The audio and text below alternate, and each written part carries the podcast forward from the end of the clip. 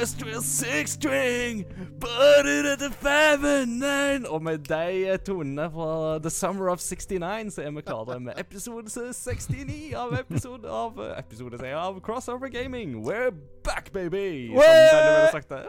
Åh, det er så deilig å være tilbake. Og temperaturen er høy, og det er ikke bare fordi det er sein sommer i Oslo, men det er fordi vi har plenty å snakke om etter sommeren. Og dette blir en sånn fin catching up-anledning. Mitt navn er fortsatt Ingar Takanobu Hauge. Jeg har ikke skifta navn i sommer. Peter Gjøskjell, har du skifta navn i sommer? Mm, nei, men kona er det. Ja, og det er jo veldig hyggelig. Uh, Mats Jakob Nesmann, har du skifta navn i sommer? Uh, Nei. Nei. Og da betyr det at eh, vi er de samme gamle, eh, alle tre, og ønsker dere hjertelig velkommen til denne episoden. Sier du at du ikke har vært det samme gamle om vi har skifta navn? Eh, noe er jo nytt, da, i så fall. Noe Ja, det er det jo. Men Mm. sånn. Men hvis vi skal begynne liksom på det metanivået der, så er det jo sånn det er alltid noe nytt med oss. Altså, Vi Mm. har hele tida en cellulær struktur som eh, konstant skifter på oss. Og da kan vi jo begynne å spørre hvor mange celler må skiftes ut før vi slutter å være den vi er, og blir noe nytt. Mm. Mm. Philosophy, man. Philosophy. Amazing. Uh, All right. Uh, sommeren er på hell. Uh, noen av dere har jo lang lærerferie og har hatt ferie i det vide og det brede, men nå begynner en Mm. normal hverdag å nærme seg. Men folkens, hvordan eh, går det? Uh, Mats Jakob, jeg Det er liksom lengst siden jeg har sett deg og snakka med deg, så jeg er mest spent på å høre fra deg først. Hvordan har din sommer 2021 vært? Eh, min sommer 2021 har vært uh, helt kanon. Uh, Eh, det har vært eh, strålende vær tidvis. Nei, mest strålende vær. Bitte litt regn. Eh, mye familie. Eh, arbeidsåret endte litt eh, Ikke turbulent, men eh, litt sånn eh, med litt omveltninger. Fordi at eh, Mm. på min uh, siste arbeidsdag uh, for skoleåret så ba jeg om eh, et halvt års permisjon. Mm. Så nå 2. august så begynte jeg å jobbe i Kulturhuset Kilden i Kristiansand. Som Oh. riggegutt. Roadie. ja, rett og slett. Jeg trengte en liten break fra å være lærer. Mm. Så da fikk jeg den muligheten, og da greip jeg den med, med strake armer. Eh. Ja, det, og det er altså så gøy. Jeg koser meg sånn på jobb. I dag har jeg rigga Flytta og rigga et symfoniorkester sammen med mine Wow. kolleger. Så det er kjempegøy, det. Smooth. Rått. Det er jo uh, I en sånn fase som det der, så tenker jeg jo at uh, da må du jo begynne å spille Brutal Legend, uh, der du inntar rollen som The Roadie Eddie Riggs. Voice av Jack Black sjøl. Ja, Det er jo den ultimate heavy det ultimate heavy metal-spillet. ja. Der du kapper hodet av store monstre, går ned i knestående med gitaren og roper 'Decapitation!' Ja, nei, jeg fikk en, jeg fikk en ordentlig sånn lun Ikke lun start, det var jo masse rigging. Men eh, første dagen min på jobb så skulle vi rigge opp stoler og nostativ og alt til symfoniorkesteret. Som skulle mm. ha ønskekonsert. No. Og eh, ønskekonsert er jo det at eh, publikum kan komme med ønsker til ting de har lyst til å høre. Mm. Så rundt lunsjtider så gikk jeg ned i gangen, skulle på toalettet, og så hører jeg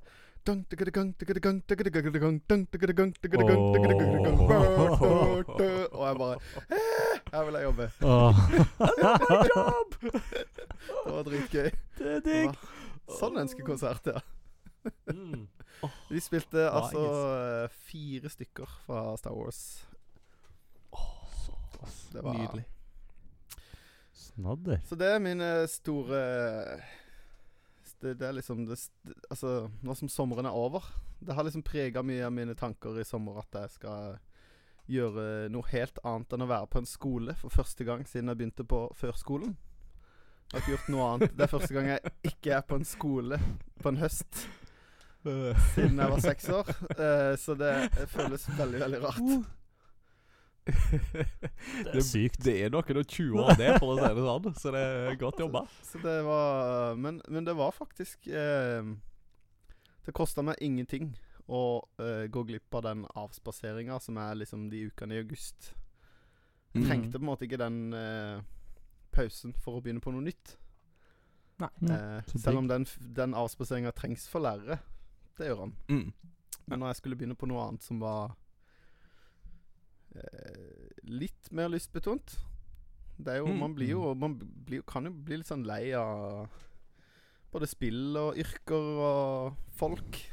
Alt mulig kan man Ja. jo bli lei av. Så det, av og til trenger man bare et skifte, og da var jeg veldig klar for det. Så bra, så bra. Har du Mhm. begynt å få superkrefter ennå, da? Har du blitt eh, liksom stabba og utvikla 5G-krefter og begynt å drømme om Bill Gates og sånt? Eh, absolutt. Ja. Eh, jeg, jeg, jeg er megavaksinert. Eh, nei, det er ikke så mye, mye 5G-drømmer. Det har vært deilig. Det er så dårlig Nei. dekning her i Le Garage at jeg kunne gjerne vært en 5G Jeg kunne gjerne vært en 5G-sender her nede. Det hadde faktisk vært den ultimate toppen av den klassiske spalten. Har Mats Jakob fått internett? Og så hadde det bare vært Nei, men han har 5G! Yeah. Det er Bill Gates. Har Mats Jakob blitt internett? Yeah! ja, det er vi. Å, nydelig. Nydelig. Ja, det er deilig. Uh, og så dere da? Ja, nei. og, så fikk du jo pakke i går, tenkte jeg jo på. Det, Jeg fikk en pakke fra Inger Hauge i går. Eh, så jeg skjønte jo ikke før jeg sto med pakka i hånda at den var jo ikke fra Inger, den var jo fra Ingar og Peter. Ja. Så Mm. det var en forsinka fødselsgave og forskudd på dåpsgave, så vidt jeg forsto. Mm. Kona, aksep kona aksepterte det. det var, Hey, Yay! Så bra, så bra. ja, ja. Det er greit, med, greit å slå to fluer i en smekk, er det ikke det? Mm. Jo, det er ikke sant. Meget, meget. Nei, så jeg fikk en, eh, en Metal Slug eh, complete eh, history og alt mulig av Metal Slug i posten. Det var, den boka er jo like tjukk som Hyrule Historia. Ja. Så det er fem centimeter tjukk, nesten. Det er helt rått. Altså, Bitmap Books de leker ikke oppslagsverk, for å si det sånn. Jeg sitter jo nå ah, sjøl med A Guide to Japanese Role-Playing Games, og den er jo 650 sider, Uh. og kjennes jo av og til ut som den er 650 kilo òg. Den Ja. er tung, liksom. Men Ja, det, det- er så deilig å bla i Ja, sånt.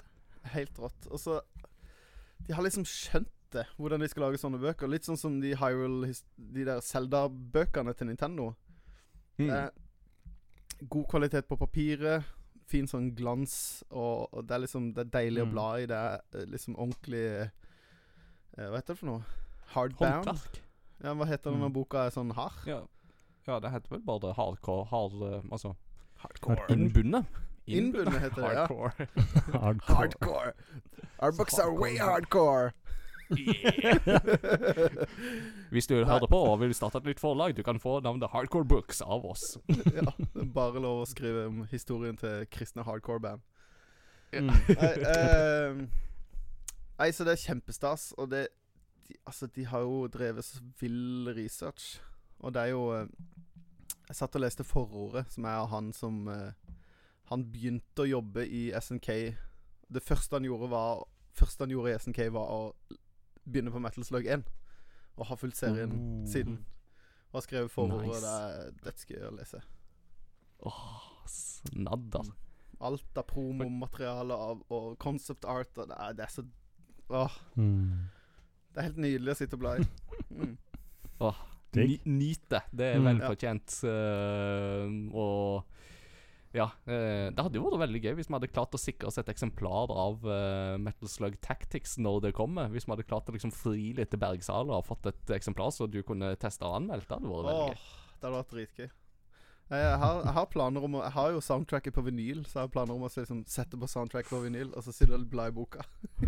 Og dyp dykke i, eh, i Metal Slug-verdenen. Helt rått.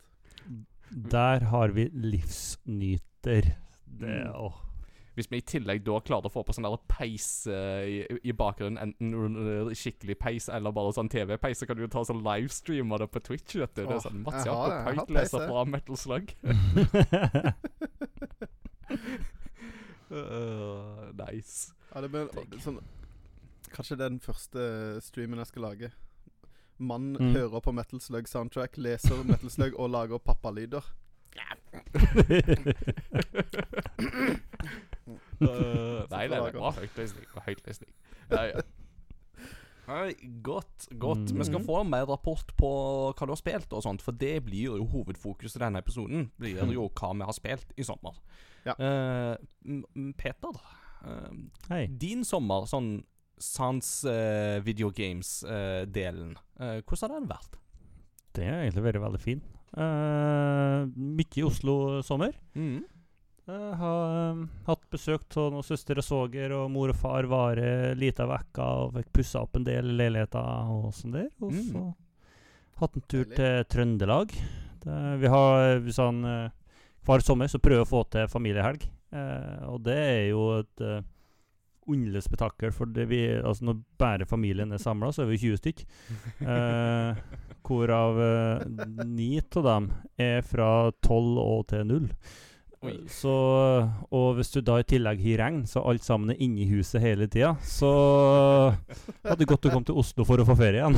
Ja, Så, Intenst. men det er Men det er jo knallkjekt, da. Det er Storkoser meg og synes alltid, det er alltid noe spesielt å komme hjem ut på bygda og slappe av og få, få liksom landa litt ekstra. Og da, da fikk vi jo feira Da ble ordna familien. De ordna en liten sånn bryllupsfeiring, da, så at hvor søsknene mine kunne bli med òg. ja. Eh, for, for det fikk de ikke forrige gang. Da sto de utafor vinduet og så inn at vi feira bryllup.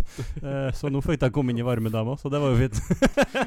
det, det, det hørtes ut som en sånn stalker-bryllup. Det dere hadde der. der, bare sånn der, De står utafor og ser Ja, inn. Det, Det sånn- altså, vi satt i, altså, I bryllupet mitt så satt vi i stua til mor og far. Det var mor, far, tre forlovere, Annika og meg. Og da far tok et helt fantastisk bilde, Fordi der vi da sitter i stua, så har du panoramautsikt med vindu Mm. rundt hele liksom, hushjørnet.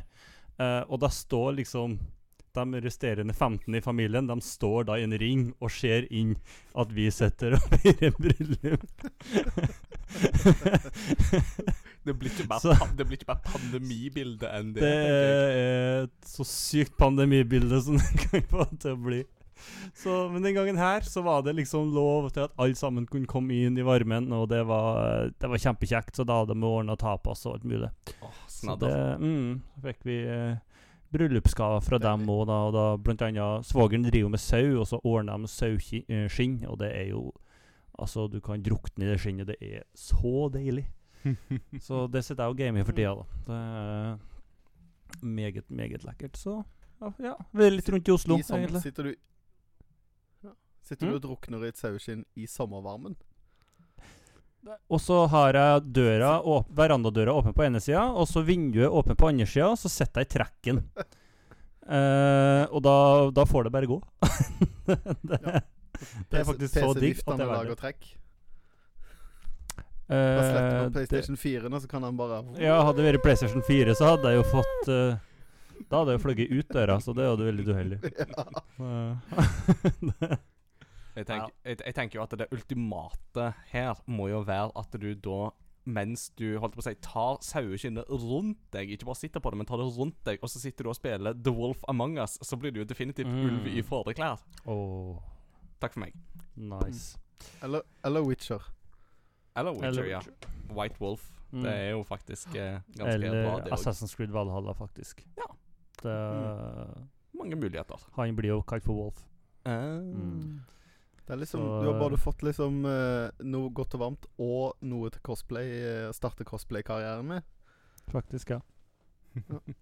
Så det er jo sweet. Sweet. så starter vi på arbeid nå på mandag. Ja. Og da er det full spiker, så jeg vet at uh, det er i hvert fall én som kommer til å høre denne episoden her. Han kommer jo i morgen. Ja. Uh, Morpheus, velkommen Mm. til Oslo. Skal, skal du Morpheus! Det blir, det blir knallkjekt. Det, mm. Så det er, jeg gleder meg veldig. Det er fortsatt en litt liten klasse, så hvis noen lyttere vet om noen elever som, eh, noen ungdommer som kanskje har lyst til å gå på gaming et år, så er det bare å si fra og få dem Bare å gi seg. Grip sjansen. Mm. Det, jeg lover, forhåpentligvis, at det blir et bra år. Ja.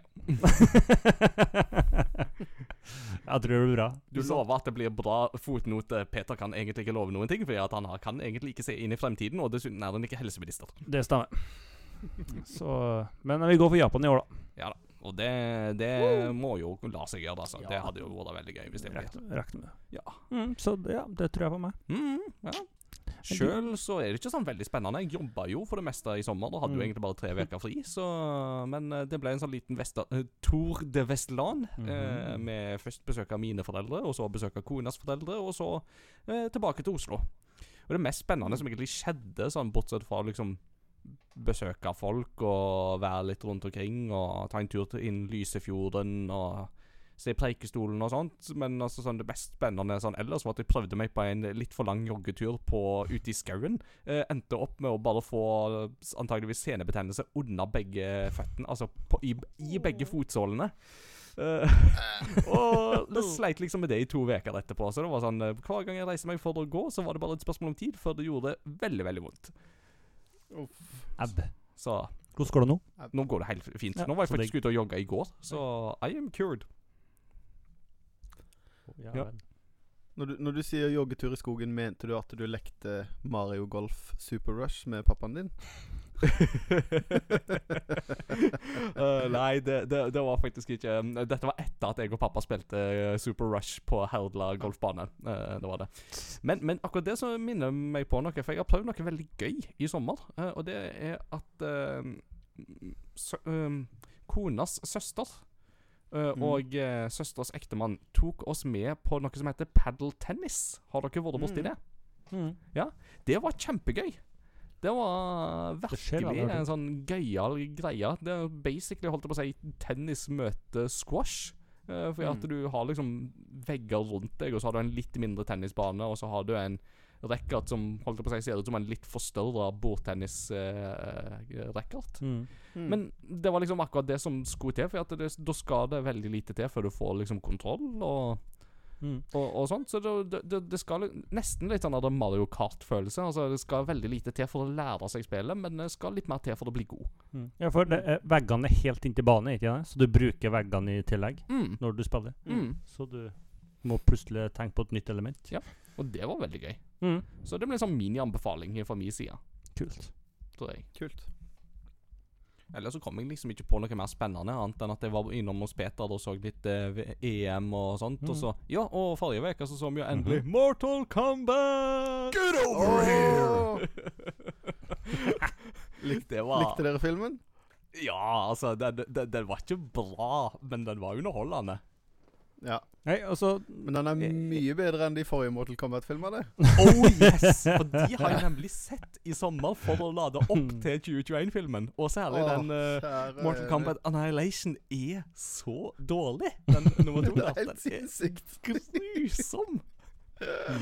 Men ja, det er det- peak dårlig TV-spillfilm. Altså, det er virkelig elendig.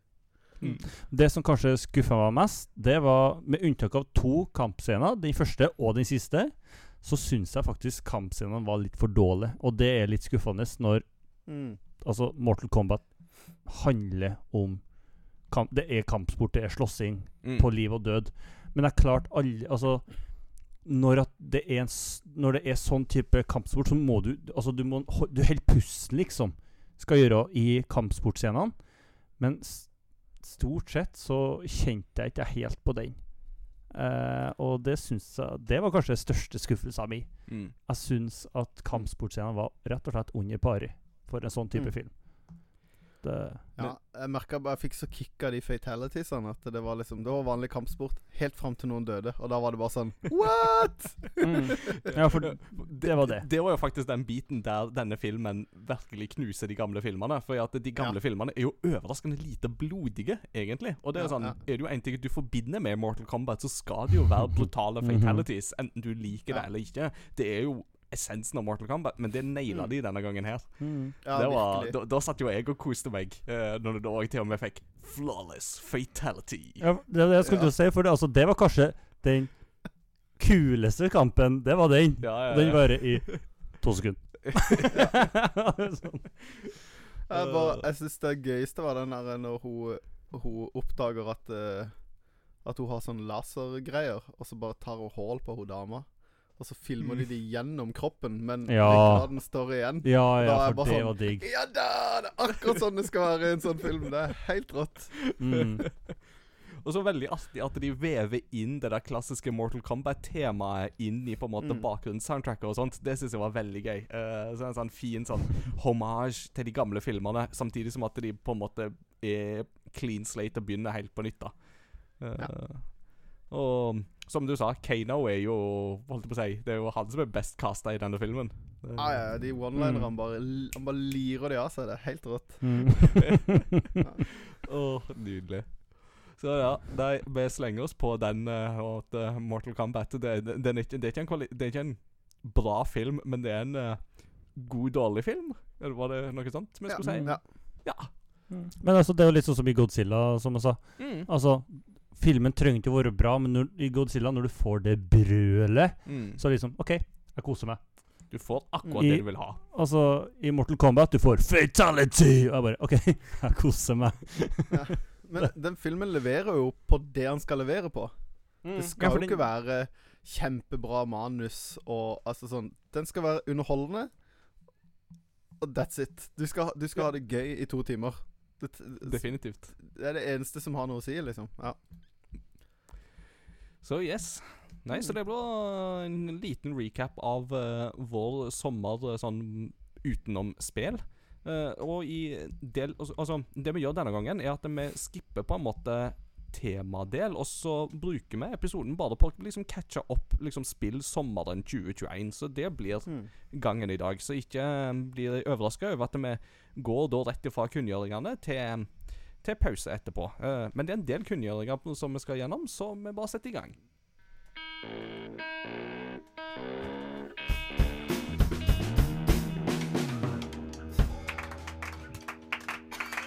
ja. Eh, himmelsk lyd fra ungdommene. Eh, nå er det ukens kunngjøringer. Det er jo ikke sånn at det bare har vært gamingaktiviteter i sommer. Det har jo òg vært OL i sommer, av alle ting. Eh, Nærmere bestemt i Tokyo. Jeg skulle veldig gjerne vært der. Det er det sikkert mange andre òg som skulle vært, men eh, det var kanskje like greit at det ikke var så mange, for smittetallene i Tokyo er rekordhøye sjøl uten publikummere på OL-stadionene. Mm. Så Det gikk jo ganske bra inn på selve OL-området. Der var det veldig lite. mm, det, Det- så det, det har funka veldig bra. Mm. Eh, det som var ekstra gøy med OL, var jo hvis du satt og så på åpningsseremonien og er litt spillinteressert, så fikk du noen bonusting eh, her og der. For de brukte nemlig spillmusikk under åpningsseremonien i Tokyo-OL. Innleda selvsagt det hele med Dragon Quest, og gikk videre til type Final Fantasy, Monster Hunter. eh, de var innom Sonic the Hedgehog. De var innom både Frogs Theme og Robo Theme fra Chrono Trigger, så pluss i boka for den. De hadde Song of the Ancient fra Near. Det var virkelig deilig å høre på. Og de hadde noe fra Pro Evolution Soccer, eller um, PES e-fotball, som det heter nå. Um, Og de hadde Ja, hva mer var det de hadde da? Jeg tror de hadde noe fra Soul Calibur òg, faktisk. Men uh, jeg tror det var Soul Calibur 6, så der er ikke jeg så godt kjent i det uh, landskapet. Mm. Um, så uansett, det er lett å finne en settliste for uh, det som ble spilt, og det var mye, mye gull der. Det som, det som er litt interessant, er jo det at det, det at de faktisk brukte spillmusikk, det var en litt sånn siste liten avgjørelse. For uh, de hadde jo egentlig hyra inn en kar som skulle komponere sånn OL-tema og sånt. Eh, men eh, da de begynte å grave litt i historien hans, så fant de ut at eh, de ville ikke ha noe med han å gjøre. For det viste seg at han hadde vært så skikkelig psykopatisk mareritt på Liksom i skoletid. Vi snakker om liksom sånn Eric Cartman sitter og tar notater. Eh, nivå. Oi. Mm. Eh, sånn type sånn terrorisere en medelev til å begynne å spise sin egen avføring. Liksom det nivået der. Så det, det, det er bad. Og liksom aldri tatt noe oppgjør på en del av noen ting, liksom. Så det var sånn OK, greit. Vi skjønner at OL ikke vil ha noe med han å gjøre. Mm. Uh, men altså, spillmusikk er jo Holdt jeg på å si Det hva- kunne vært bedre. Hva er vel bedre kultureksportvare Mm. for liksom å vise noe av det beste Japan har å by på, enn det? Så Mhm. ja, bare, bare pluss og meget bra. Eh, en annen ting som eh, har skjedd i sommer, er jo det at eh, Steam har kommet på banen og funnet ut at de skal prøve å kuppe litt av eh, Hva skal du si? Nintendo Switch-markedet. Så Steam lanserer noe som kalles for Steam Deck, som da i praksis er en eh, Switch, bare vesentlig tyngre og med litt hardere innmat. Eh, Mm. Den kommer i tre forskjellige varianter. eh, med da litt em, Der den store forskjellen er jo da det interne lagringsminnet.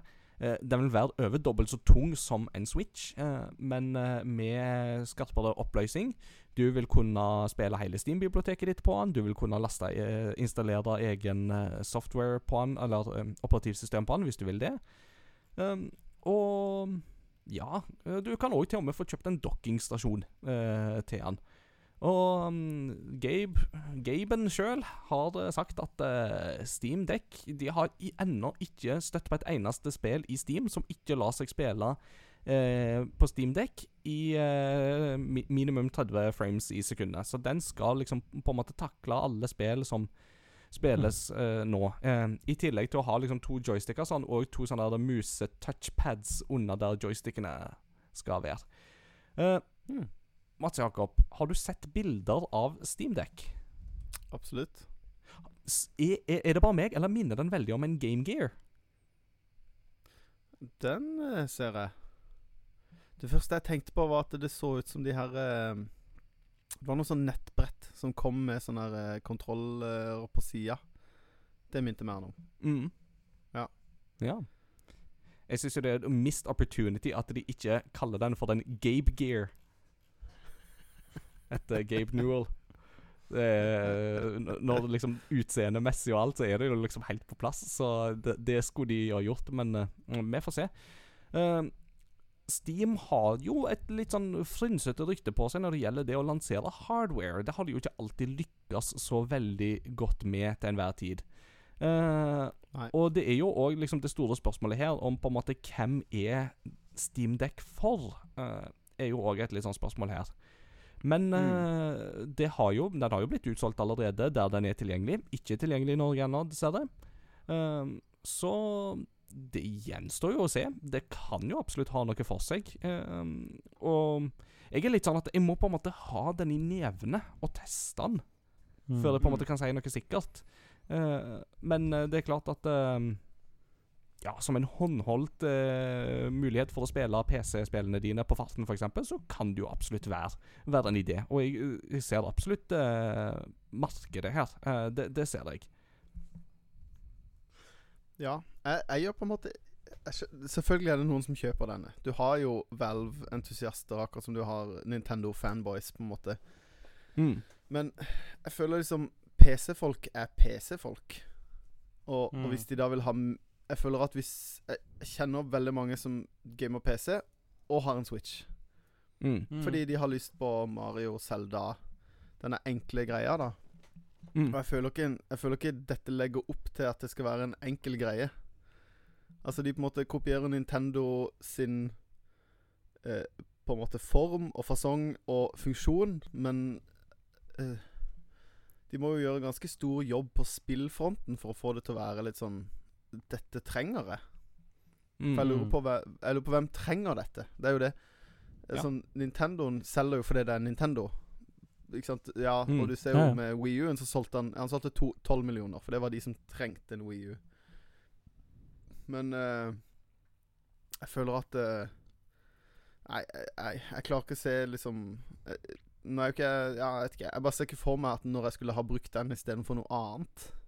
For det er jo ikke sånn her Å, jeg må spille World of, War, World of Warcraft på toget til Oslo, eller sånn Nei, jeg vet ikke. Mm. Uh, Peters? Altså, jeg føler, at det, jeg føler at det blir litt overkill med både en eh, Switch og en uh, Steamdeck. og da er personlig veldig mye fordi at eh, Nintendo er på en måte min reisevenn. Da, da spiller jeg de spillene som jeg ikke spiller når jeg har PC eller PlayStation tilgjengelig. Mm. Eh, fordi at jeg syns de uh, spillene på Nintendo er mye koseligere og da lettere å bare plukke opp når eh, du er på reise heller. Jeg klarer ikke helt å skjønne at jeg skal ha Det er ikke ofte jeg har et spill på PC-en som jeg er så avhengig av at jeg må ha det med på farta. Mm. Uh, som regel så syns jeg det nesten er litt Ja, det er godt å få litt variasjon da i Mm. hvilken type spill det går i, og ikke må ha Steam med meg uansett hvor jeg går. Mm. Eh, og den er jo Den koster jo sitt, da. Ja. Det, Men- Men jeg syns det er bra at noen konkurrerer med Nintendo. For alle har, Ja, mm. alle har Alle tjener godt av konkurranse. Ja, Mm. det Så det er jo ikke sånn at, det er ikke sånn at uh, Jeg syns jo ikke at Nintendo skal få sitte alene på tua si og holde på som de vil, for da er det sein, sein framgang i teknologi og mm. Eh, sånne ting. Switchen har jo hoppa ganske mye fordi de måtte. Mm. Eh, sånn at eh, jeg håper jo noen kan konkurrere litt med de. Men eh, Mm. det er jo ingen som klarer å vippe Nintendo av den tronen de har. Nei. Uansett hvor hardt de prøver. Ja. Mm. Nei, altså, jeg er enig i veldig mye av det som ble sagt nå. Og, og jeg leste en Jeg tror det var PC Gamer hadde en sånn veldig interessant kommentar på det, som liksom påpekte det at uh, Valve har på en måte missa noe, sannsynligvis, i det at eh, de har liksom sett på Switchen, og så holdt på å si, prøvd å lage en egen kopi av den. Og det er i og for seg greit nok, eh, men at de har på en måte ikke helt catcha på en måte Nintendos filosofi som ligger til grunn for designet i Switchen. Eh, og da Mm. nærmere bestemt dette her klassiske Nintendo-mantraet eh, eh, 'lateral thinking with withered technology'. Altså det å tenke utenfor boksen med teknologi som er liksom velprøvd og velkjent, og ikke nødvendigvis liksom aller nyeste, dyreste komponentene. Det er jo det som alltid har vært designbasisen helt siden Gunpei Yokoi eh, utvikla Game Watch, eh, og var med på å utvikle Gameboy, ikke minst. Eh, Mm, s- mm. altså Gameboy er jo kroneksempelet på nettopp det. Altså Gameboy kom jo ut med teknologi som på mange måter var utdatert da Gameboy kom ut helt på slutten av 80-tallet, men den slo så kraftig gjennom fordi den vant så på en måte på de tingene som betydde noe, som f.eks. lang batterilevetid, spillene, eh, Mm. enkel å bruke, eh, lett å ta med seg, osv., osv. Eh, Mm. som jo gjorde at eh, Game Gear f.eks. Eh, aldri klarte å, å vippe eh, Gameboy av, av tronen. Eh, og det er jo litt det der med at eh, ja, en uh, Steamdeck kan kjøre alle spill som er nå, men hva med spill som ligger foran i tid? Eh, det er jo liksom det store spørsmålet her. Altså, Mm. ting skyter jo fart på PC-fronten, ikke sant? Ja, ja. Så eh, det store spørsmålet er Can it run cyberpunk? Mm. Can it cyberpunk? det blir jo det store spørsmålet her. Mm. Jeg tenker jo at eh, en ting som Nintendo virkelig har gående for seg, er at de er superstrenge på hva som Eh, De er ikke så strenge Jeg satt faktisk og bladde gjennom eShopen i dag, og det er mye ræl på eShopen nå. Men Ja, det er sant. Nintendo har liksom de der eh, powerhousene sine som gjør Mm. at folk kjøper det, men som Og så har de veldig sånn kontroll. Eh, Mm. Valve lager jo altså, Jeg skal ikke si de ikke lager spill, men det er jo ikke de som sitter og lager de spillene som får folk til å kjøpe en Steam Deck. Nei. Som viser fram hva dette her er godt for. Eh, sånn at det er sånn herre OK, vi skal lage et, et, et kraftig bra hardware som kan spille alle spillene som ligger på Steam, men eh, er det liksom Du har ikke noe posterboy, da, for maskinen. Nei. Nå måtte liksom være holdt på å si, Gabe sjøl som måtte være den posterboyen. Jeg vet ikke om det liksom funker like godt, da. Nei, jeg tror ikke det. Mm. Eh, Så jeg, jeg tenker at det blir veldig spennende å se, eh, men jeg tror Steam Deck har mye å bevise når den kommer. Så, men Mm. som du sier, bra med konkurranse, helt klart. Ja, ja. Uh, og veldig spennende å se. Uh, på Netflix så skjer det litt sånn uh, gøye ting sånn uh, spillrelatert. Det kom jo nå en eh, Witcher-animert film, kom jo nå Mm. snart. Det er jo eh, noe med eller to. om en uke eller to, ti, Mm. ja, to tid. Oh. helt riktig. Sweet. Og sesong to kom jo 17. desember, og det Mm. som jo er veldig gøy, er at de har bekreftet at Christopher Hivju skal være med i første episode. Så oh. Mm. Norway represents. Han, han, han gjør det godt Ja, ja, ja. på den type serier. Da. Håper jeg at han har en referanse til A Big Woman. Mm, oh, ja. big woman still here. Uh, ja. Nei, så det er bra. Um, I løpet av sommeren så har vi jo òg fått litt mer salgstall for både Xbox Series og PlayStation 5. De setter eh, salgsrekorder i forhold til Mm. sine tidligere konsoller. Um, på Microsoft de går jo ikke ut med direkte salgstall, men de sier sjøl at Xbox Series er de bestselgerne de har hatt av konsoller. Og PlayStation Mm. 5 uh, setter salgsrekord og har nå bikka over 10 millioner solgte konsoller. Så et eller annet sted ute i verden så fins det faktisk 10 millioner mennesker som har den konsollen. Så et eller annet tidspunkt så blir det alle sin tur. Men nå har jo Sony bekrefta at de har endelig det de trenger for å liksom skru opp eh, produksjonshastigheten. Mm. Så Mm. det lover jo godt, da. Er ikke noe at nå, Ja. nå går de, har de gått i pluss òg, ikke det? Ja. De har, det har gått litt rått. Mm. Men Um, men eh, Switch selger fortsatt eh, som bare juling, den òg. Og den har nå passert over 89 millioner solgte konsoller. Og dermed så har Switch solgt mer enn det både PlayStation 3 og Xbox 360 gjorde i sin tid. Mm. så da gjenstår det å se da om uh, We står for tur. We var vel 101 millioner, om jeg husker rett. Så Mm. det er jo veldig mye som antyder at det kommer til å skje. Særlig nå når de har uh, lansert den OLED-versjonen sin, så kan det fort hende at de booster salget sitt ytterligere. Mm. Men sånn kjapt med tanke på uh, Xbox og eh, PlayStation. Uh, tror dere at PlayStation hadde gjort det like bra, med tanke på hvor sterk Xbox er, om fanbasen ikke er så sykt sterk Liksom, vi skal ha PlayStation. Det er for, for det er veldig mange, spesielt sånn som jeg kjenner i Norge, som er liksom Vi skal ha PlayStation, for det er det de kjenner, det som er trygt, og det er det de tror de liker uten at de egentlig vet hvor sterk Xbox står. Tror dere de har stått Tror dere eh, PlayStation har gjort det like bra om folk har hatt peiling på hvor sterkt sterkt Xbox faktisk står? Nå sitter jeg med en PlayStation 5 og ikke Xbox, men uh, thoughts from uh, Christian Sand? Det, jeg føler jo at hvis du på en måte ser bort til Hvis ingen skulle ha en på en måte preferanse i forkant, så, så vil det jo være fra generasjon til generasjon Vil det jo være vanvittige svingninger da mm. eh, på hva folk eh, velger. Hvis, du, hvis alle kun skulle velge på hva er best nå, eh, Mm. hva har det beste tilbudet nå, hva har de beste spillerne nå, så er det vanskelig å si. Da tror jeg ikke det hadde vært så jevnt som det, Og, på noe vis. altså, sorry. Jeg tror jeg er ferdig. Ja. eh, My bad. Uh, nei, uh, men altså, for jeg, for jeg tenkte jo på um, Når jeg har liksom lest veldig mye om Sega Saturn og sånt, for eksempel eh, Mm. Så er jo en ting som på en måte har slått meg om det med Sega Saturn og Nintendo 64 og PlayStation 1, altså den generasjonen der, så var det jo veldig veldig lenge at Sega Saturn lå veldig bra an. Særlig i Japan så lå den Altså, hvis en på en måte da tok på en måte kampen mellom Sony og Sega der, så lå Saturn veldig bra an de to første årene. Mm. Men etter hvert som da PlayStation fikk det kraftige spillutvalget som de fikk, deriblant megasuksesser som Final Fantasy 7 for eksempel, og Crash Bandicoot og disse tingene Mm. der, så raste jo PlayStation ifra. Uh, Mm. Og fikk liksom et fortrinn der som Sega aldri klarte å ta igjen. Uh, og det kan jo fort skje i en sånn tilsvarende situasjon her, ikke sant? Med at uh, Microsoft har jo kjøpt opp både det ene og det andre, ikke sant? Og GamePass er jo den beste spilldealen du kan få på nåværende Mm. tidspunkt. ikke sant? Det er Mm. så tydelig at Microsoft vil bare ha deg inn i dette økosystemet og gjøre det veldig attraktivt. Mm. Så um, det er liksom sånn at Hvis folk på en måte etter hvert ser det, um, og samtidig på en måte kanskje på en måte føler at uh, Ja, med PlayStation så får det min God of War, jeg får Horizon, jeg får uh, Persona, men kanskje føler at det ikke er nok, liksom med tanke på på en måte kvantum, da.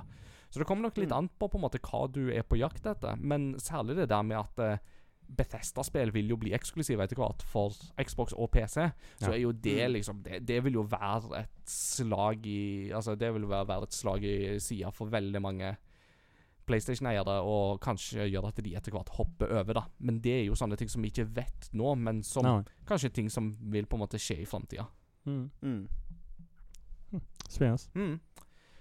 Eh, hvis eh, Nå er, jo ikke jeg den som spiller mest MMO, men Amazon de skal jo prøve seg med et MMO-spill som heter New World, som de har jobba med nå ganske lenge, og som nylig ble utsatt for fjerde gang. Det skulle egentlig utsette, lanseres i august, men eh, ble forskjøvet til september. Eh, de hadde en åpen bet... Eller ikke en de hadde en beta eh, nå i sommer. Og det som var litt interessant med den betaen, var at folk som hadde et RTX 3090-kort, altså holdt jeg på å si det mest high-end grafikkortet du kan få på nåværende tidspunkt, opplevde at spillet rett og slett uh, frityrstekte kortet deres. Så det var liksom Ja, for det var for, Altså, det, var spesifikt de med 3090-kort som opplevde at spillet ikke bare på en måte gjorde at eh, datamaskinen skrudde seg av, men den svidde rett og slett av 3090-kortet. Eh, og dette var da ekstra, altså særlig bekrefta med tanke på at du hadde en som da fikk opplevde dette. Fikk et nytt 3090-kort, boota opp spillet igjen og opplevde akkurat det samme en gang til. Oh, Eh, så, men eh, Amazon de skal jo da selvsagt um, erstatte om det, om det var Amazon eller om det var Nvidia, jeg husker ikke. Men alle de som har opplevd dette, får et nytt 3090-kort på et tidspunkt, så de skal slippe å lide under det, da. 3090 er vel ikke bare det beste, men det er det dyreste også, er det ikke det? Mm. Koster Ja, ikke det det- sånn? Jep, jep. Hvor mye det koster? Du, du, det, det er jo oppe i sånn 20 000, så du kan jo kjøpe en veldig bra vilt. datamaskin med så å si, Mm. et, et litt svakere grafikkort for samme prisen. Så Yes. Eh, Så hvis du har lyst til å pranke noen, da Så du er, du er sjalu for at de har 3090-kort, så kan du si at du har hørt om en ny sånn beta som skal være sykt bra. nice. Åh. Det, det, det minner meg forresten Troll. Ja, Mhm. ikke sant. Det minner meg forresten på Jeg har bestilt ny PC jeg, i sommer. Så, Uh, men da med, med 3070-kort. Så nice. jeg holdt på å si gikk litt ned. Men resten av maskinen den er ganske eh, high end, så det blir veldig fint. Mm. Ikke så mye at jeg trengte ny PC, men eh, kona trenger ny PC, så da får hun den som jeg har nå, og så får jeg en oppgradering. Så Mm. that's how we roll. nice. Yeah. Um, videre så um, kom det jo òg en uh, annen spillfilmrelatert nyhet nå forleden. Uh, Idris Elba skal spille Knuckles i den neste Sonic-filmen. Uh, Mm, Det så er så fett. Det er litt sprøtt, men det er litt gøy. Uh, og mens vi var inne på dette her med spillrelaterte film og sånt, så må vi òg nevne at Netflix skal visst lage en live action Pokémon-serie. Litt sånn i samme stil som Detective Pikachu. Åh, så Oh. fett. Ja, vi vet veldig lite ennå, men uh, de har sagt at det jobber de med. Det skal de lage. Og hvis de får til litt av den samme magien som den filmen fikk til, så kan det bli veldig gøy. Mm. Mm. Eh, og så eh, Vi har jo tidligere i sommer hatt eh, litt sånn rekorder her og der på eh, salg av spill. Du hadde jo et um, Legend of Zelda-spill som jo ble solgt for 900 og noe tusen dollar. Og så hadde du få dager senere så ble den rekorden slått av et eh, eksemplar av Super Mario 64 som ble solgt for halvannen million dollar. Nå er den rekorden slått igjen. Den nye rekorden for eh, salg av dataspill Det er da et uåpna eksemplar av Super Mario Bros. som er solgt for to millioner. Av, eh, til, eller kjøperen er da anonym. Mm. Det er så mye penger.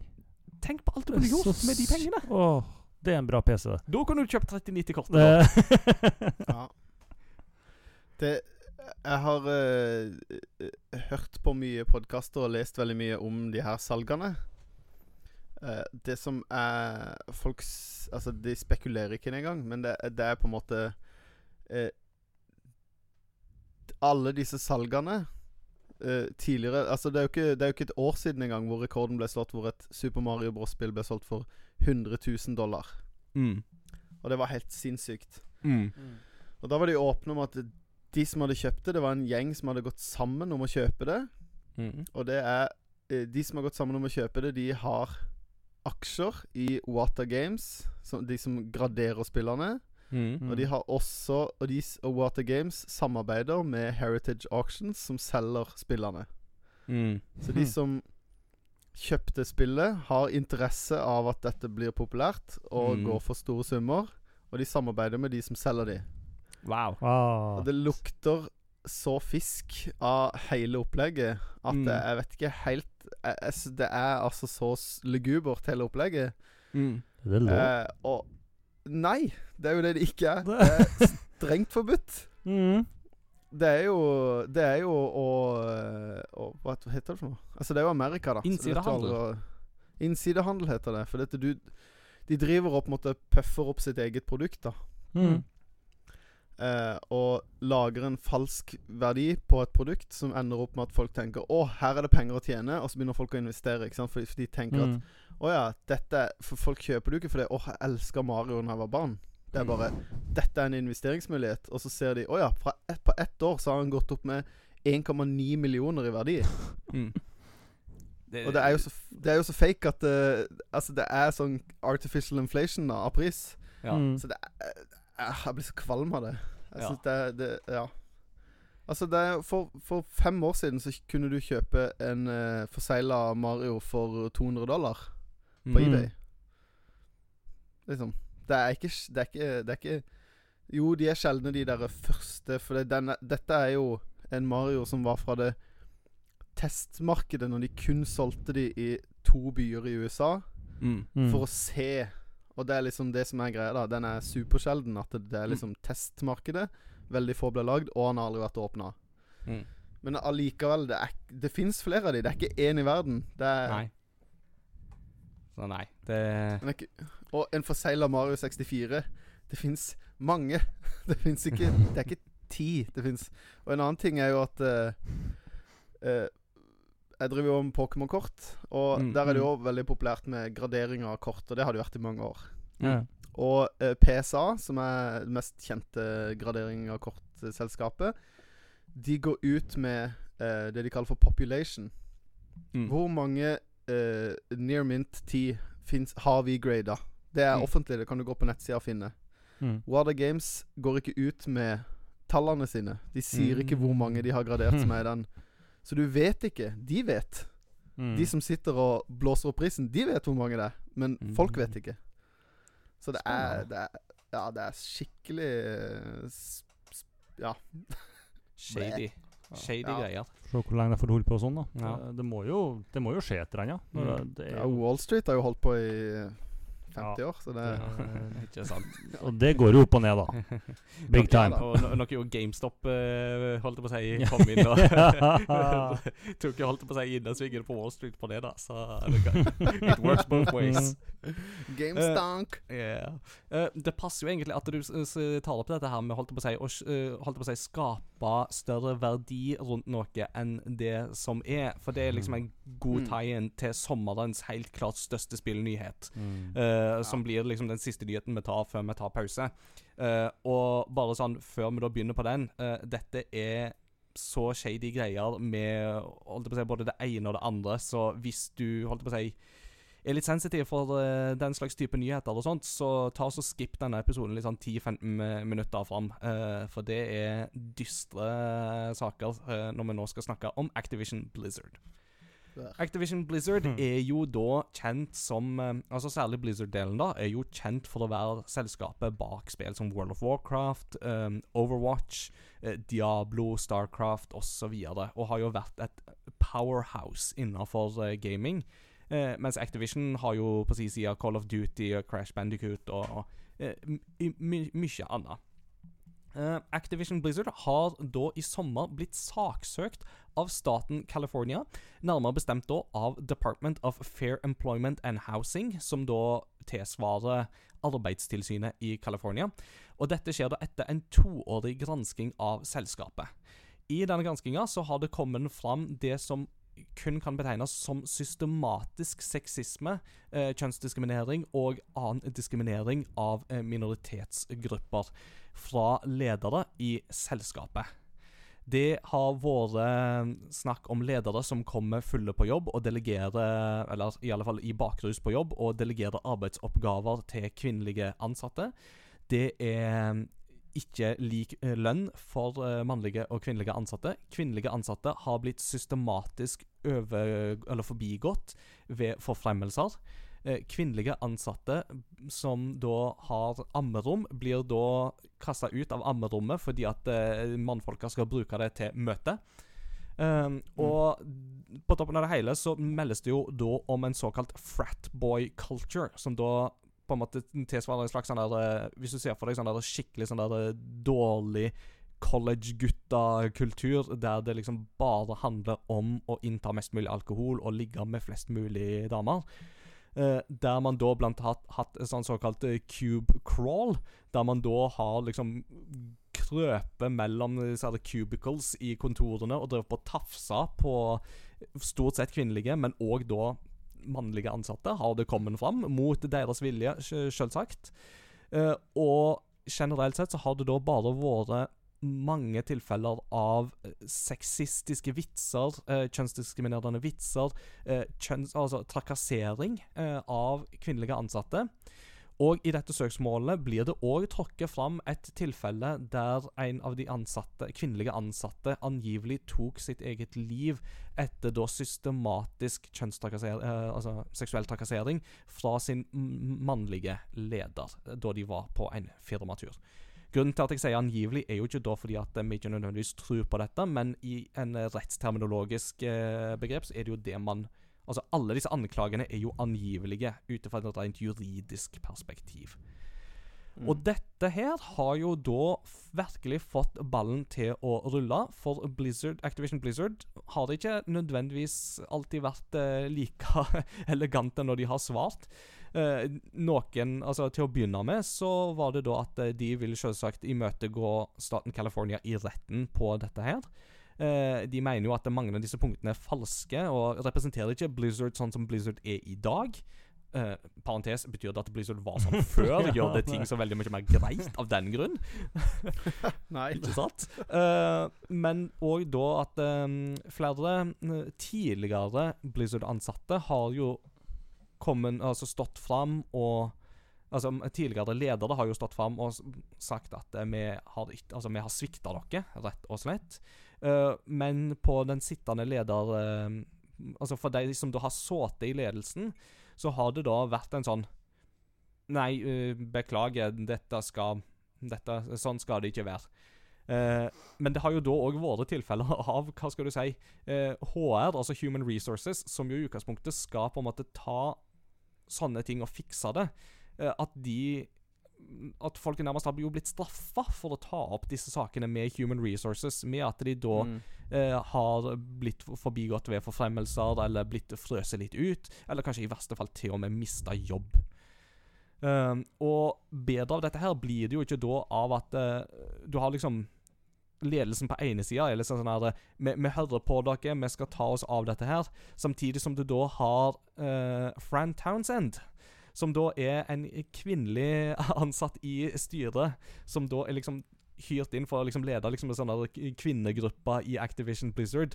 Eh, Mm. Som da er kjent for å være holdt jeg på å si, Hun har tidligere jobba i Bush-administrasjonen. Eh, Mm. og var da liksom en varm forsvarer av bruk av waterboarding og annen type form for tortur. Der hun da på Twitter liksom midt oppi dette her begynte å snakke om liksom sånn der, hvor problematisk det er med sånne såkalte whistleblowers, altså folk som sier ifra. Mm. Eh, når da hun ble outa på dette her på Twitter, så svarte hun med å blokkere folk. Uh, helt til hun da til slutt bare holdt på å si, la, sletta Twitter-kontoen sin.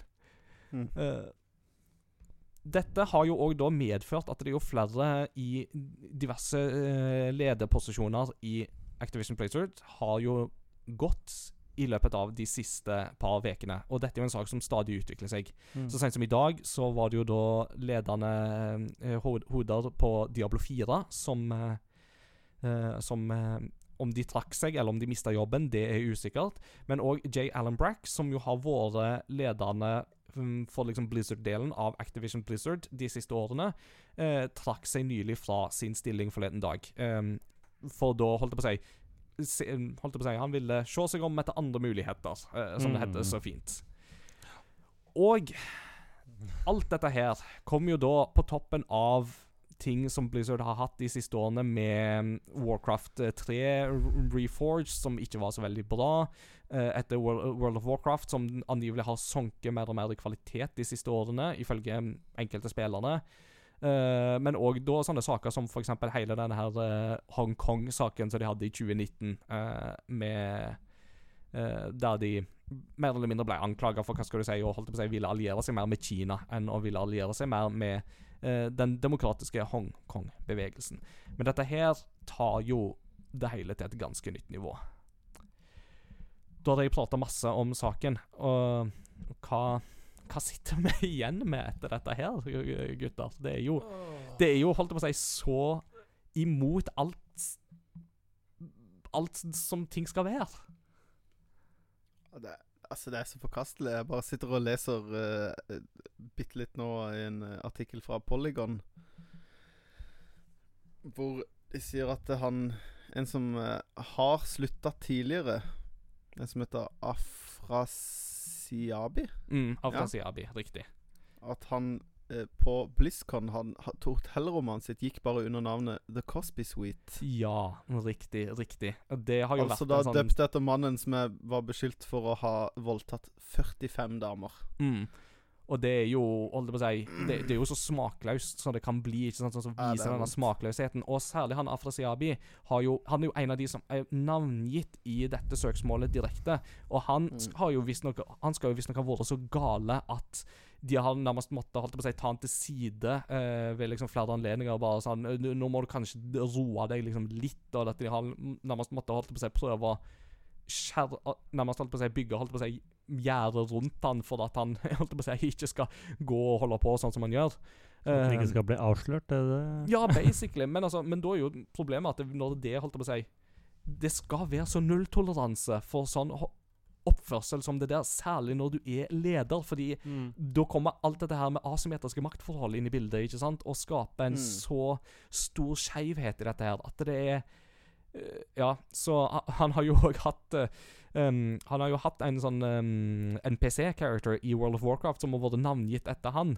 Uh, og mange har jo i disse dager da svart liksom i World of Warcraft med å gå bort til den uh, rollefiguren og ha sånn at, og så at de har spytta på han. Eller gjort sånne spyttebevegelser. oh, yes. Og liksom vist sin avsky uh, Ja. for dette her. Eh, og det er litt sånn og, og det er klart at for veldig mange så er jo dette her Veldig mange opplever jo nå at dette er et slags sånn farvel med Blizzard, fordi altså at det, det renommeet Blizzard har hatt Mm. som Hva skal du si, på en måte de liksom holdt på å si gode gutta i bransjen som virkelig leverte kvalitetsprodukter og aldri lanserte noe før det var ferdig, og liksom var holdt på å si, noen av liksom de største og beste i bransjen. Det ryktet er jo nå tapt for alltid, tror Mm. jeg. Jeg Mm. tror aldri Blizzard-navnet igjen vil få den samme statusen som det det hadde på da særlig begynnelsen av 2000-tallet, eller det 90-2000-tallets skifte Mm. Eh, eller midten av 2000-tallet, da World of Warcraft kom. Jeg tror dessverre aldri at Blizzard vil nå opp til det igjen, uansett hvor mye opprydningsarbeid de nå gjør i egne rekker. Eh, midt oppi dette her så må det jo òg nevnes at uh, styret i Activision Blizzard har jo da svart med å liksom De skal få inn et sånn advokatfirma til å drive litt sånn intern granskning i dette her. Uh, det advokatfirmaet er da det samme advokatfirmaet som Amazon har brukt tidligere for å slå ned på forsøk på fagorganisering. ja.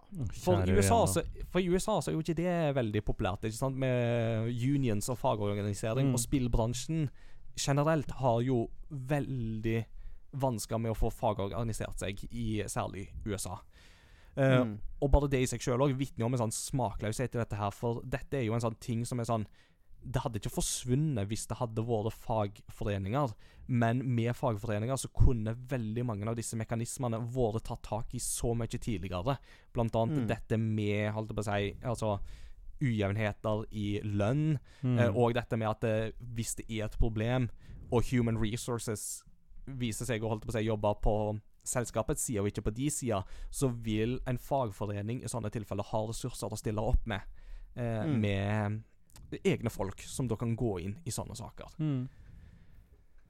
Så for veldig mange så er jo Final, altså Final Fantasy skulle jeg til å si Nei, altså Final Fantasy 14 har jo opplevd en rekordtilstrømning den siste måneden. Så mange at eh, Final Fantasy 14 gikk tom for digitale nøkler.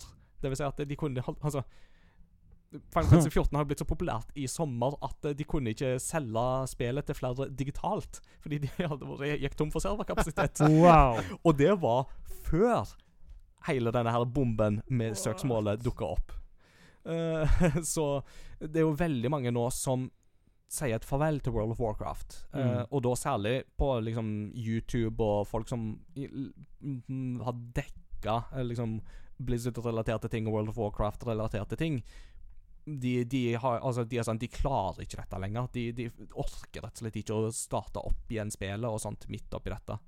Mm. Og det skjønner jeg jo veldig godt. Um, uh, og altså, litt av grunnen til at jeg tenkte jo at dette her som du snakket om, ikke sant, med uh, altså at eh, priser og sånt blir kunstig dreven opp, uh, at det var en god tegn til denne saken, er jo det at Mm. Activision Blizzard har jo fått enda et søksmål eh, de siste dagene, nemlig da av eh, aksjonærene, har gått til massesøksmål mot Activision Blizzard fordi de mener at Activision Blizzard har holdt tilbake informasjon som forteller om hvordan ståa egentlig er i selskapet, og dermed drevet aksjekursen feilaktig opp for aksjen. Mm. Mm. Og at det er litt sånn Hadde vi visst at ståa var sånn som den er, så hadde vi aldri kjøpt de aksjene til den prisen Mm. eh, de, den, den er på.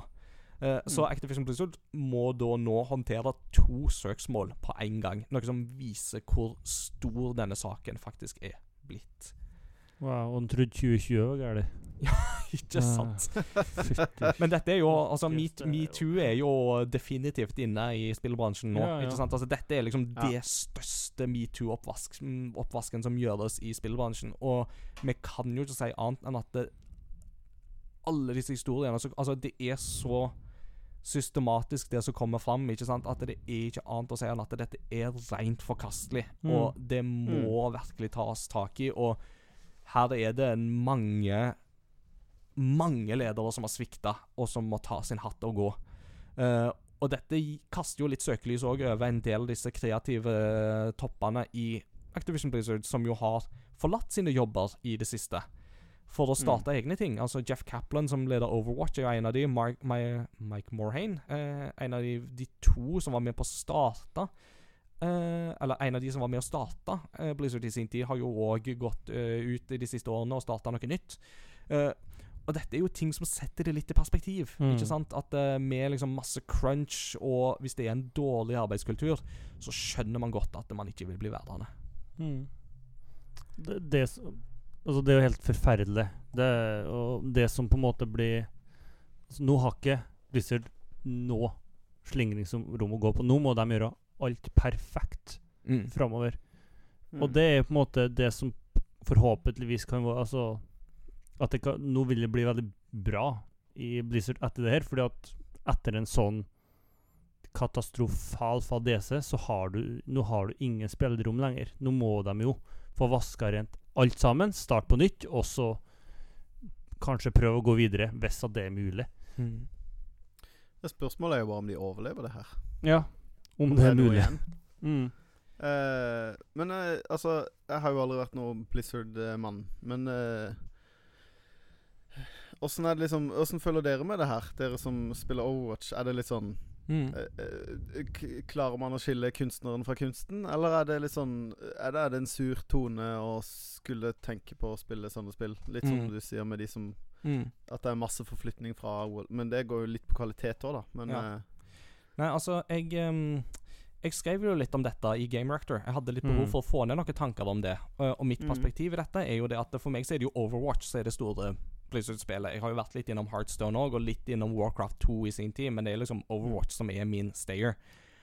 Og sjøl de siste ukene så har jeg spilt Overwatch, og Mm. kost meg med Overwatch.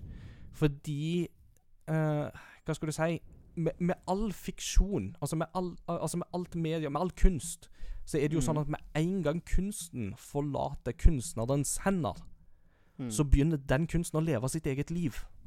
mm. Mm. Kunsten er på, blir på en måte nærmest en slags egen skapning. Ikke sant? Altså, det er mm, Altså Tolkien eh, snakket jo om veldig mye om dette med såkalt subcreation. Ikke sant? At det, det skapte ærer skaperen ved selv å skape.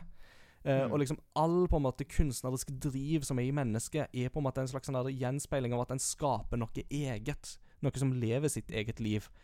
Eh, og for meg så er Overwatch en sånn særegen greie som på en måte viser holdt jeg på å si, noe, noe av det beste med spill.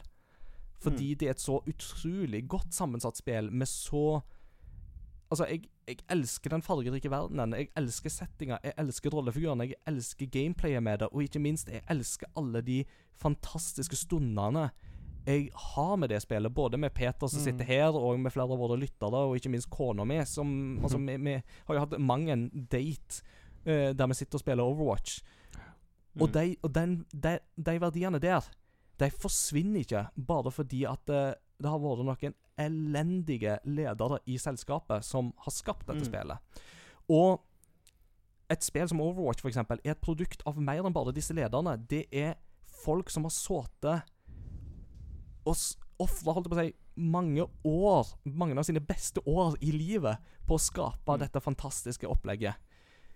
Og jeg tror jo dessverre ikke at det å skulle innføre en boikott vil hjelpe de nederst på gulvet. Tvert imot så er jeg jo redd for at Mm. de, de vil bli enda mer skadelidende.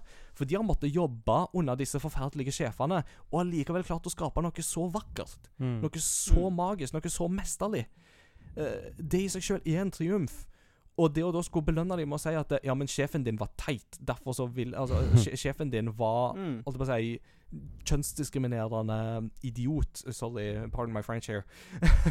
så det hjelper jo dessverre ikke det deg noe. Tvert imot så er jeg jo redd for at de vil bli skadelidende ved å miste Altså, holdt på å si det, vi, Da er det deres de, de som har laga spillene, sine hoder som ruller på dette her. Mm. Mens sjefene fortsatt blir sittende trygge i sine jobber.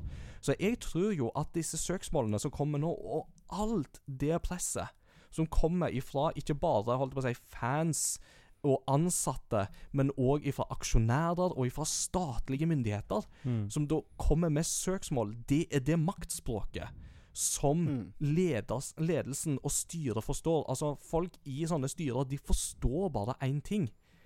Og det er makt ifra makthaverne. Mm. Altså, om en fan på internett eh, sitter og skriver at eh, dere må få rydde opp i dette her, så sitter ikke aksjonærene eller styret eller Bobby Kotick eller Fran, Fran Townsend og bryr seg om det. For det er Mm. så fjernt ifra dem. Men det å få dette massive trøkket nå, og søksmål fra statlige myndigheter, det er akkurat det som skal til for å rydde opp i disse tingene her. Og forhåpentligvis så vil det være med på å skape et Blizzard som kan bli bedre enn det det er nå, for nå kan det nesten ikke bli dårligere enn det er.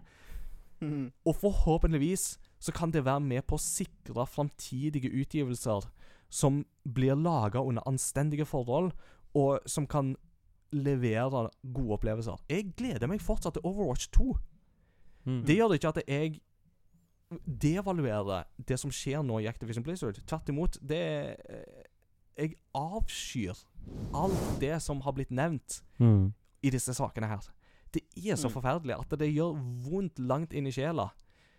Men likevel så tillater jeg meg å glede meg til Overwatch 2, og håper virkelig at det kan bli et bra produkt som blir laga av folk som får vist sin kreative glød og skape noe som virkelig er bra. Og det er jo litt sånn Mm. som Winston i Overwatch sier det. Uh, do not see the world for what it is. Dare to see the world for what it could be. Mm. Ja, jeg tror ikke jeg klarer å si så mye bedre enn det, så pluss én. Støtta den. Jeg, jeg følte du du fikk et greit svar?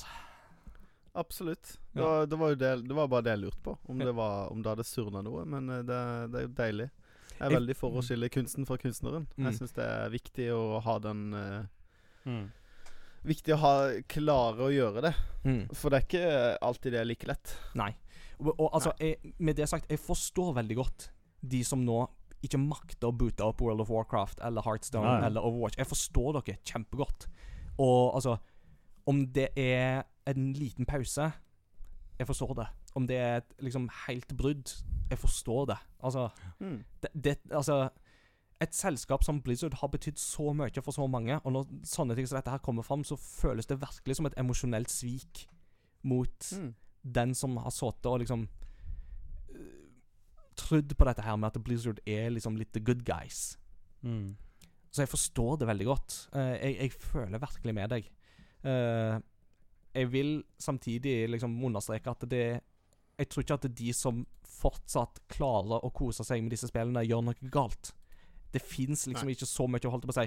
Dette er saker som er veldig komplekse og sammensatte, ikke sant? Så det er, jeg tror ikke det fins noen veldig enkle svar her. Bortsett fra at uh, Activision Blizzard må definitivt rydde opp og uh, unionize. Mm. Mm. Det får bli så politisk som det blir i dag. Mm. Men jeg tror det er viktig. Mm. Tror jeg, altså, tenker jeg at må, ba- jeg må liksom Det må være lov å ta en runde med seg sjøl. Mm. Og er en ukomfortabel med å boote opp uh, Blizzard-appen, så selvfølgelig det er også det her er en så heftig sak at hvis du ikke blir rørt av det, så burde du i hvert fall ta en runde med deg sjøl. Da tror jeg ikke det hjelper å ta en runde med seg sjøl. Da tror jeg du bør ha en runde med holdt på å si, din lokale sjelesørger eller prest eller psykolog, eller kanskje til og med alle tre. Mm. Uh, Ja. For det er klart at det, dette er virkelig voldsomme saker, altså. Og det er lov å forstå at man reagerer på det. mm. Vel eh, Vi måtte jo ta den saken, så tung som den enn er. For det hadde vært litt unaturlig å komme inn etter sommeren uten å snakke om det. Ja, ja. Men eh, hva Vi sier vil du? jo dekke alt. Ja. Eh, en ting som jeg skal snakke litt om i eh, del to, er jo Phoenix Wright Ace Attorney. Og kanskje han hadde klart å rydde opp i dette, så kanskje vi skal kjøre litt uh, Phoenix Wright-musikk i pausen. Og så er vi straks tilbake. Skal vi si det sånn? Mm. Yes. Yes. Da er ingen objection på det. Vi er tilbake Nei. om kort tid.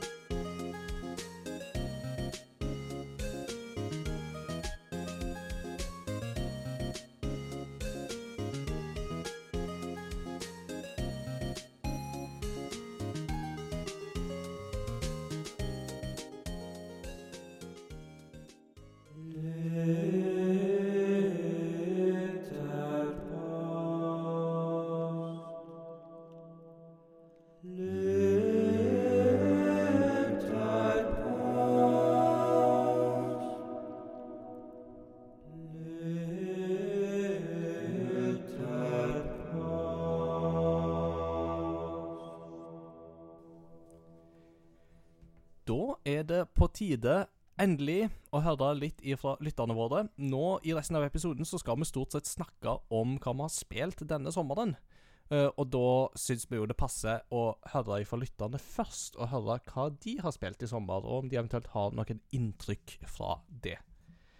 Uh, som vanlig hvis dette, første, eller, mm, hvis dette er første episode du hører på, eh, så kan jeg jo da informere om at mm, alle lytterposter det vil si, der vi stiller spørsmål til lytterne våre, de blir posta på både Facebook og i Discord-serveren vår.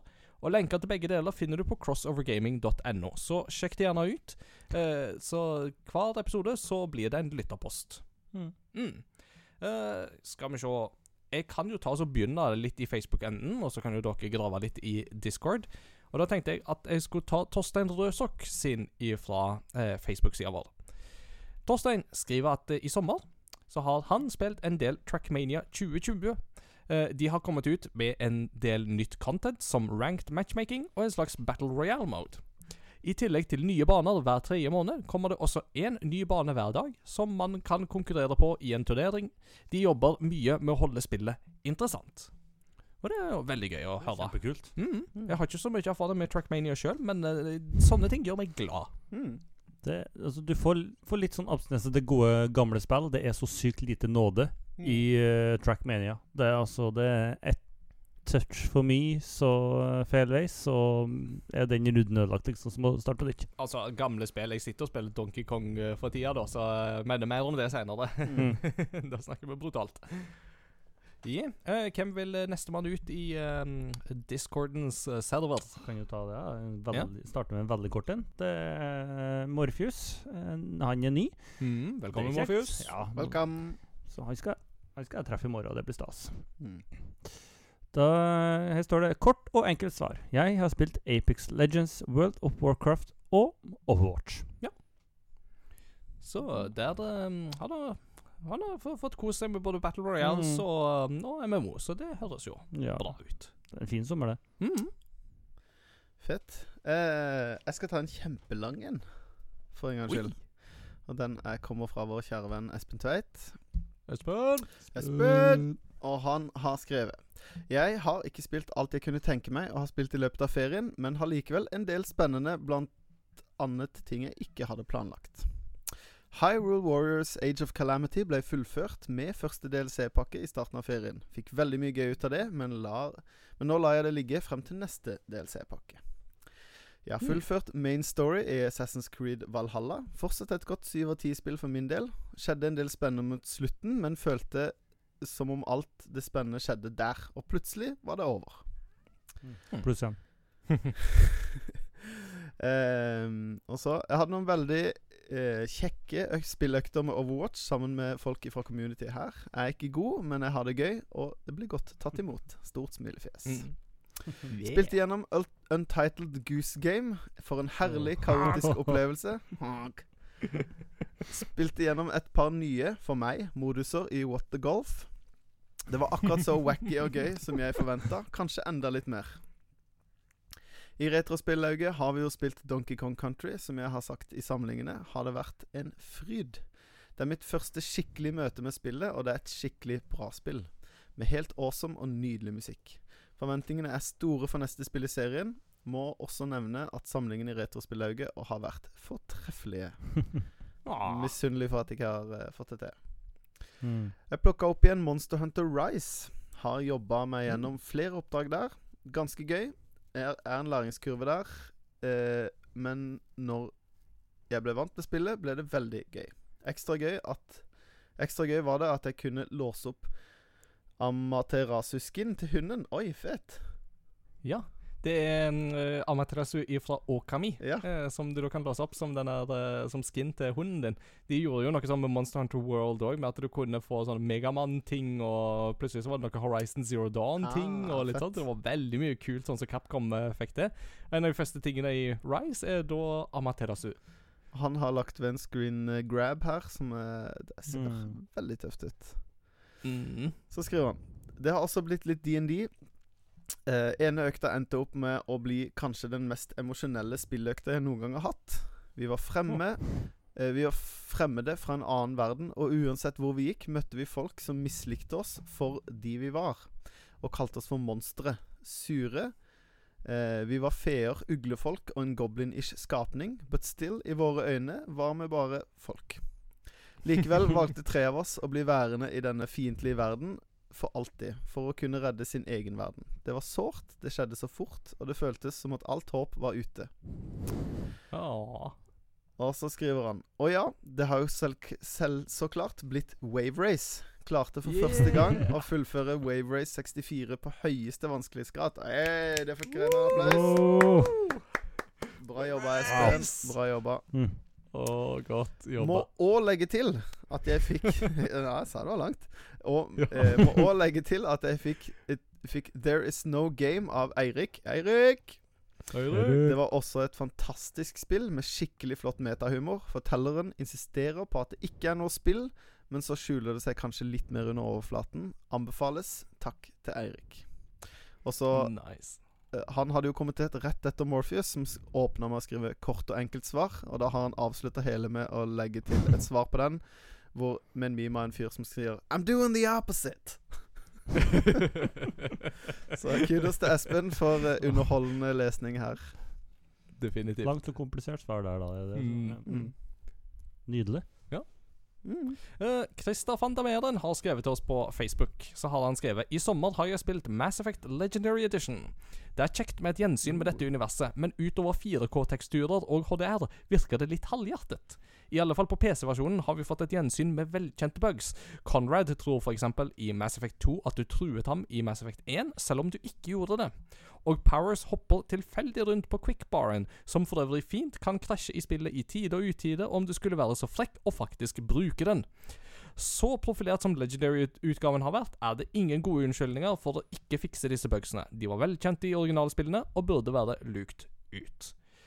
Det er veldig interessant, eh, for jeg spiller sjøl Mass Effect eh, Legendary Edition på Xbox, og opplever det som en veldig god og stabil opplevelse. Men PC-versjonen har da tydeligvis eh, litt andre opplevelser Eller litt andre opplevelser med PC-versjonen, virker det da som. Skal vi se. Uh, Enila. Er det hun igjen? Nei, hun har vært med litt tidligere òg, men nå er det lenge siden hun har skrevet sist. Så Ah, det var veldig okay, gøy. da, ja. Eh, Mye gammel mann, vet du. Husker ikke på navn. Uh, it's been 84 years! Ofte. Skal vi se. Enila skriver Selda Skyward Sword. Dessverre ikke HD, som kom ut på Switch, men det gode gamle på Wii. Yeah! Ikke optimalt på ny TV, men det var et gledelig gjensyn på tross av noe frustrerende gameplay. Yeah! Eh, Pelsesniff hilser. Ja. Det er alltid kjekt når Ja. eh, ektefeller hilser. Mm. Det er veldig Hei, Pelsesniff. Hilse tilbake til. Pelsensniff. Ja, det må jeg gjøre. Uh, det er jo Vi hadde jo retrospillauget i fjor. Da spilte vi jo Skyward Sword. Uh, Mm. Så for de som da Mm. um, har lyst på et gjensyn med den episoden, så er det bare å sjekke den ut. Uh, den har jo blitt aktuell igjen i sommer med HD-utgaven. Og kjenner meg absolutt igjen i det som hun skriver, at det er et gledelig gjensyn på tross av noen et par frustrasjonsmomenter her og der. Mm. Og jeg, jeg traff uh, Pelsensif eh, på tirsdag.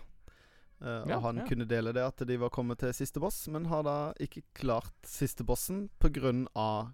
kontrollen. Så de føler de, Det er sånn Æh! Den gjør ikke det jeg vil! We, we, we share your pain. We share your pain. Yes, Vi ja, føler med dere. Dette er velkjent. Oh, oi. Det er liksom Gira, første battle med Girheim på nytt. Bare. Mm. litt amped up. yes. Til slutt så har jeg plukka ut uh, Sakseid sin uh, post. Ja. Og er blitt, den er blitt delt inn i tre kategorier. Digitale spill, Minecraft, Disc Golf Valley Åh, Pluss én på det. Det er veldig bra dis frisbeegolf eh. Og Civilization 2. Analoge spill. Puerto Rico. Kingdomino. Dominion. Mm. Seven Wonders. Kinasjakk. Dansk 21 og sikkert noen til. Er noen som har vært på ferie her. Vært på hytta og spilt et gammelt, sliten kinasjakk med noen manglende kuler. Og fysiske spill, frisbeegolf pluss én. Nice. Nice. Åh, Mm. uh, Seven Wonders er lenge siden jeg har spilt. Det, det har vi faktisk, Mm. men det er kjempelenge siden jeg har spilt det nå, så det hadde vært gøy å friske opp igjen. Mm. Uh, eh, får jeg bare lov å slenge inn en eh, liten slenger eh, til slutt? Uh, Ja, for jeg syns det er litt gøy at um, Skorpus, uh, eller eh, han skriver da Skal vi se. I feriene har jeg spilt med retrospillauget Donkey Kong Country. Dessverre ikke like langt som alle andre i lauget. Phoenix Wright, Great eh, Phoenix Wright, The Ace Attorney Trilogy, eh, Among Us, Minecraft, og begynte så vidt på God of War. Boy! Holder på å glemme at eh, Altså, holdt på å glemme at jeg også har spilt Blood Omen, Legacy of Kane. Og grunnen til at jeg måtte ta med dette svaret, var bare at jeg ville ha en unnskyldning til å si 'boy'. Boy. Ragnarok, det blir et spennende spill. Det gledes. Ah. Så det blir eh, gøy å se hvordan det blir. Er det da han skal gå ut og si Tween. Young adult. ja. ja. Nei da, veldig kjekt med alle Veldig kjekt å høre fra dere lyttere, og det har vært et eh, variert, eh, en variert spillsommer, skjønner vi, så det er kjekt å høre og lese og forskjellig. Veldig mye, altså. Det er så gøy, det. Mm. Eh, som sagt, vil du være med og skrive dine svar i våre lytterposter, så sjekk ut eh, Facebook og, og Discord, som du finner på crossovergaming.no.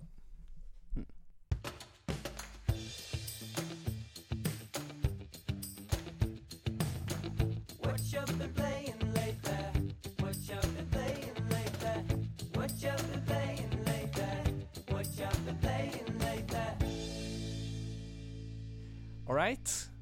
Uh, I pausen her nå så hadde vi litt sånn der eh, Jeg følte ikke vi har spilt så mye som vi skulle ønske, eh, samtale. Men allikevel så har vi jo lange lister hele gjengen. Så Ja.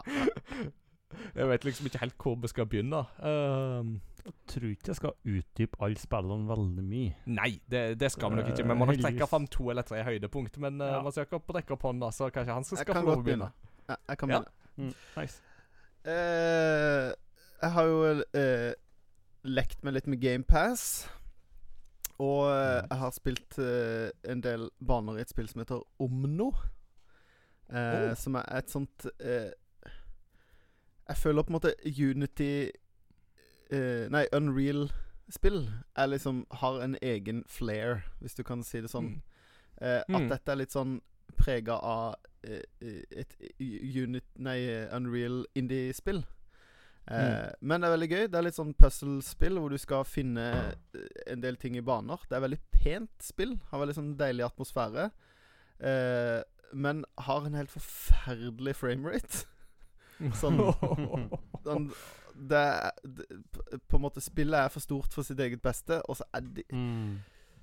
Det er på en måte mellom banene. Altså, du blir droppa på sånne øyer. Eh, og du følger på en måte i fotsporene til en annens pilegrimsferd.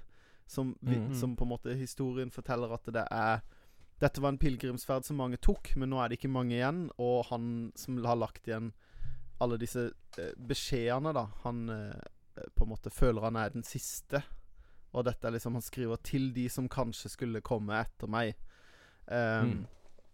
Hvor du må eh, egentlig gå rundt i et eh, veldig kult, litt sånn sånn Minecraft blir på en måte feil, men veldig sånn kubistisk eh, eh, miljø.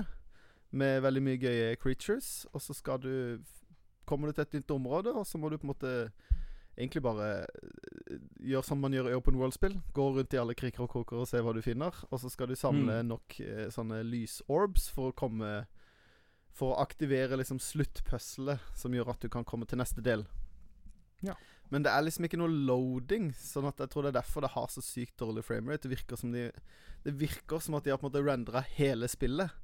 Og så er du på et Mm. lite Mm. område av gangen, og så får du elendig Ja. framerate istedenfor at de bare rendrer akkurat det området du er på, istedenfor eh, Fordi at du kan liksom spille i cinematicsen imellom, så kan du bevege deg rundt på liksom det som skjer, og det virker som alt er liksom en flytende verden, da.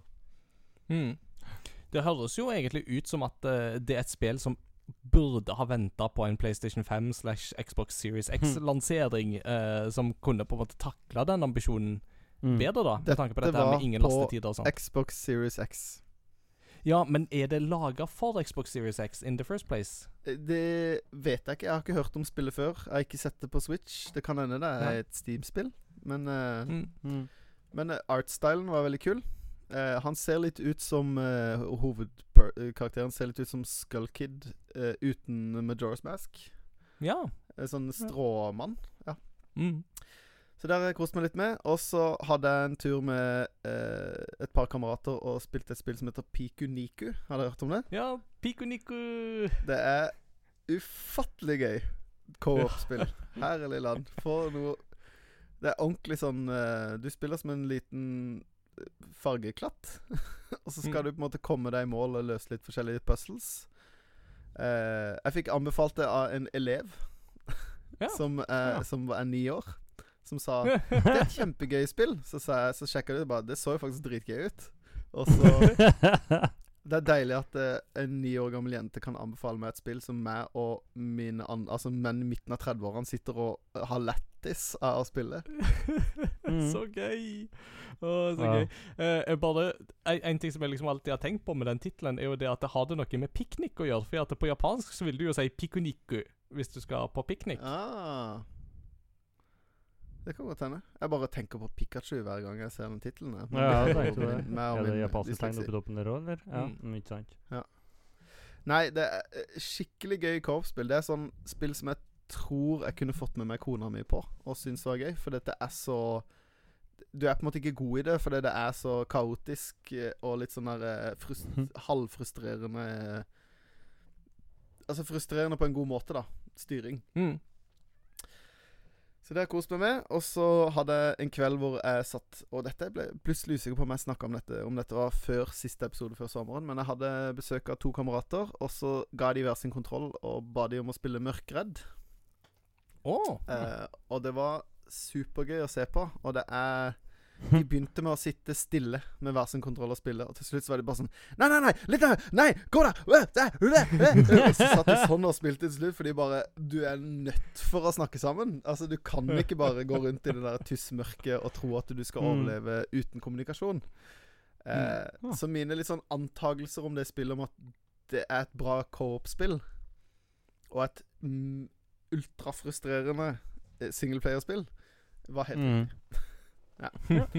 så det var kjempegøy å se på. Spilt litt Tony Hawk. Eh, fremdeles strålende spill. Eh, Mm. og så har jeg eh, tatt to møter med mine Jeg har to kamerater som spiller Pokémon-kort. Og vi har planlagt i et halvt år at vi skulle spille Pokémon-kort i sommer. Eh, og da testa vi ut noe nytt. Det er okay. en YouTube-kanal som jeg følger som er veldig bra. En, en som heter Tricky Jim. Og han Mm. Er på en måte plutselig blitt ganske stor, så han kommenterte nå i sånne eh, På en måte store offisielle Nintendo-turneringer. Så var han med å kommentere på profesjonelt, Mhm. altså profesjonelt nivå, øverste nivå av Pokémon-kort. Eh, Mm. Så han har veldig peiling, men han eh, Han i samme sitt Discord community har kommet opp med en ny game mode for fysisk eh, eller på online-spill. Noe de kaller for Gym Challenge. Som er okay. at du har bare lov til å spille én type Pokémon. Det er kun lov å ha én av hvert kort, utenom energikort. Eh, Mm. vanligvis er det fire, så det, du kan ikke ha Hmm. fire av den beste Pokémonen. Du kan bare ha én. Eh, Mm. Og så eh, er det bare lov med det som heter single price Pokémon. For nå er det jo sånn at du kan ha Pokémon-kort som gjør at du tar halvparten av premiekortene for å knocke de ut. Men nå er det tilbake til liksom røttene med at du må slå ut seks av din motstanders Pokémon for å vinne. Hm, Og det var altså så gøy, for det, nå Pokémon-kort er jo blitt litt sånn at hvis ikke du har de beste kortene, så eh, kan du ikke være med og på en måte kjempe i toppen. Men her Mm. åpner mulighetene seg mye mer, for nå, er, nå har du et mye større bredde av kort å velge. Og Jeg har en svær kasse med kort som jeg aldri Ja. bruker. Men når vi skulle begynne med dette her, så begynte jeg å lefle gjennom for å se Shit, jeg kan jo lage en dødsbra Leaf-dekk. For jeg har masse bra single price som jeg aldri ville brukt i en vanlig standardkamp, da, eller expanded kamp. Mm. Så det var altså så gøy at vi satt til Jeg tror klokka var tre på en uke da, liksom. Vi bare klarte ikke å gi oss. Og kam men kampene blir jo veldig lange, da. Eh, når man spiller sånn. For det, det tar lang tid å knocke ut mange Pokémon. Helt klart. Men det var dødsgøy. Men uh, sommerens høydepunkt har definitivt vært uh, Mario Golf Super Rush. Uh, for Altså, for en innertier for meg. Dette var en ekte innertier. Du, Det var liksom det er en liksom hole in one. Altså, Ja, du kan ikke si at det er innertier. Takk. Missed opportunity. Wow. Den, der, den var Ja. OB, altså. Den var out Ja. of bounds. Ja, jeg tror der. jeg skal gå og legge meg. Nei. Ja. Eh, nei, altså Det er Det er jo ikke for alle. Alle syns ikke golfspill er gøy, men de har gjort et ærlig forsøk på å gjøre det sånn at alle kan synes det er gøy.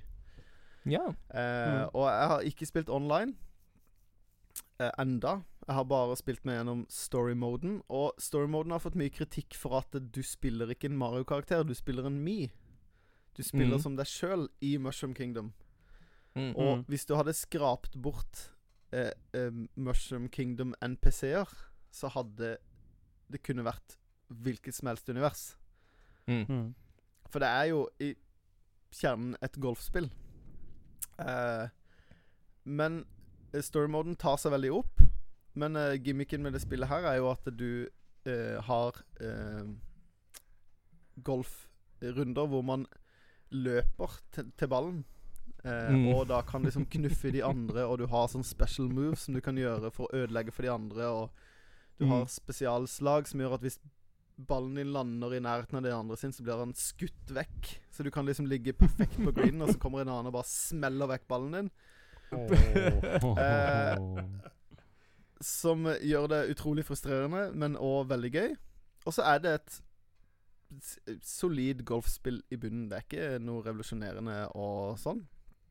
Mm. Uh, men uh, det er Ja, jeg har kost meg skikkelig med det. Så jeg, jeg tror du kommer til å like det, Ingar, men du har uh, hvis du, du må på en måte ikke forvente verdens beste spill. Du må bare forvente at dette er et gøy spill.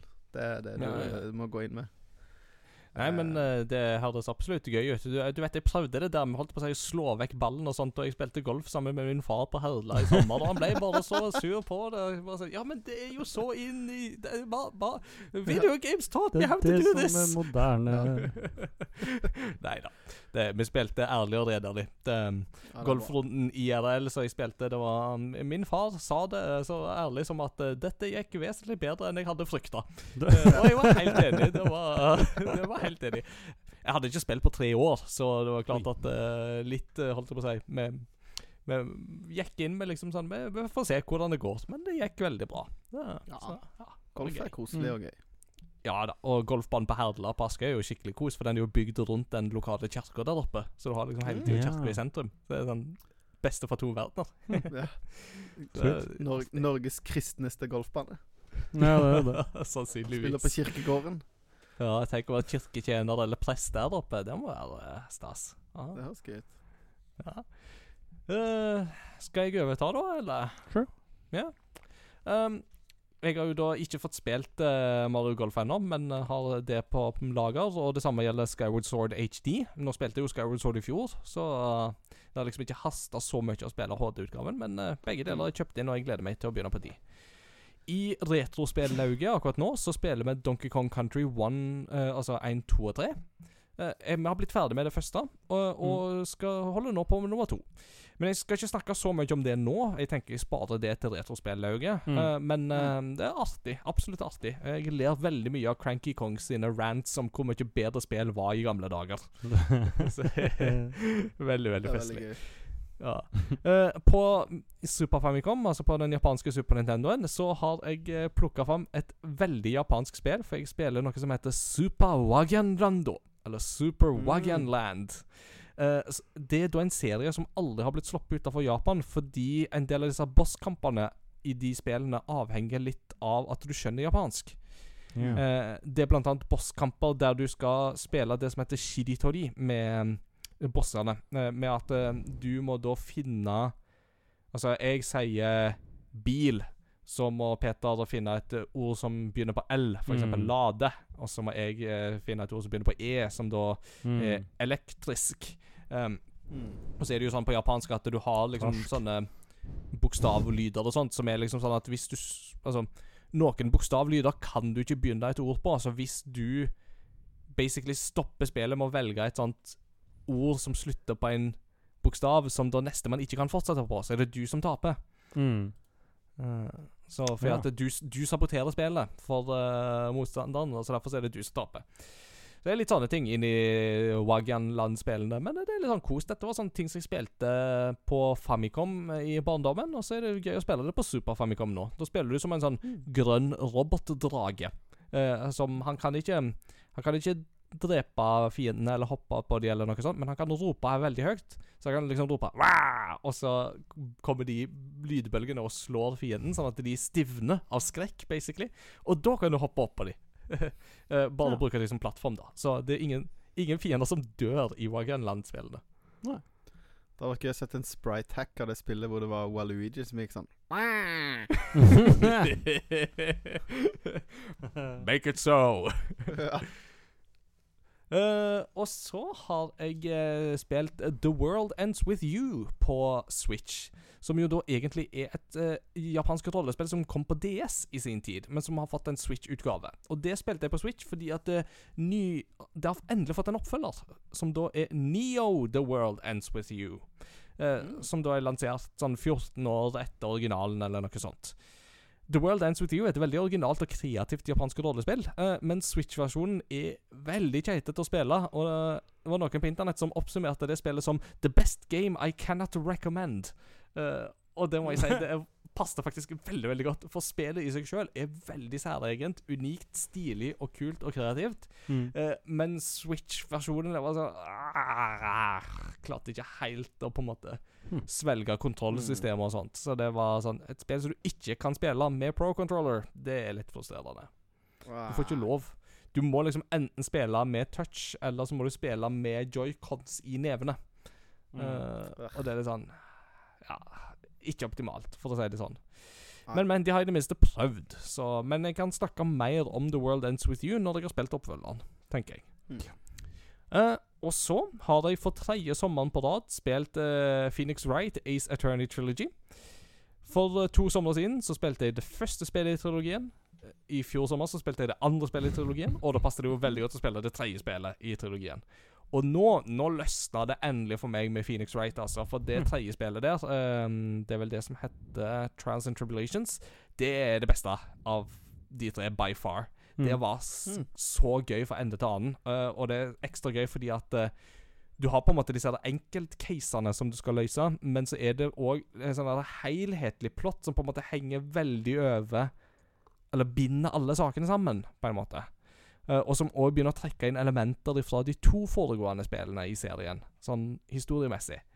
Eh, og det å bygge på en måte sånn overordna plott på den måten var, Altså, de løser det så bra, og særlig den siste casen i, i det spillet er liksom skikkelig bra. Og så følte jeg at det var ikke altfor vanskelig å få progresjon heller. At det var sånn at Ja, nå vet jeg hva jeg skal slenge inn. Objection! Og så var det Mm. supergøy, altså.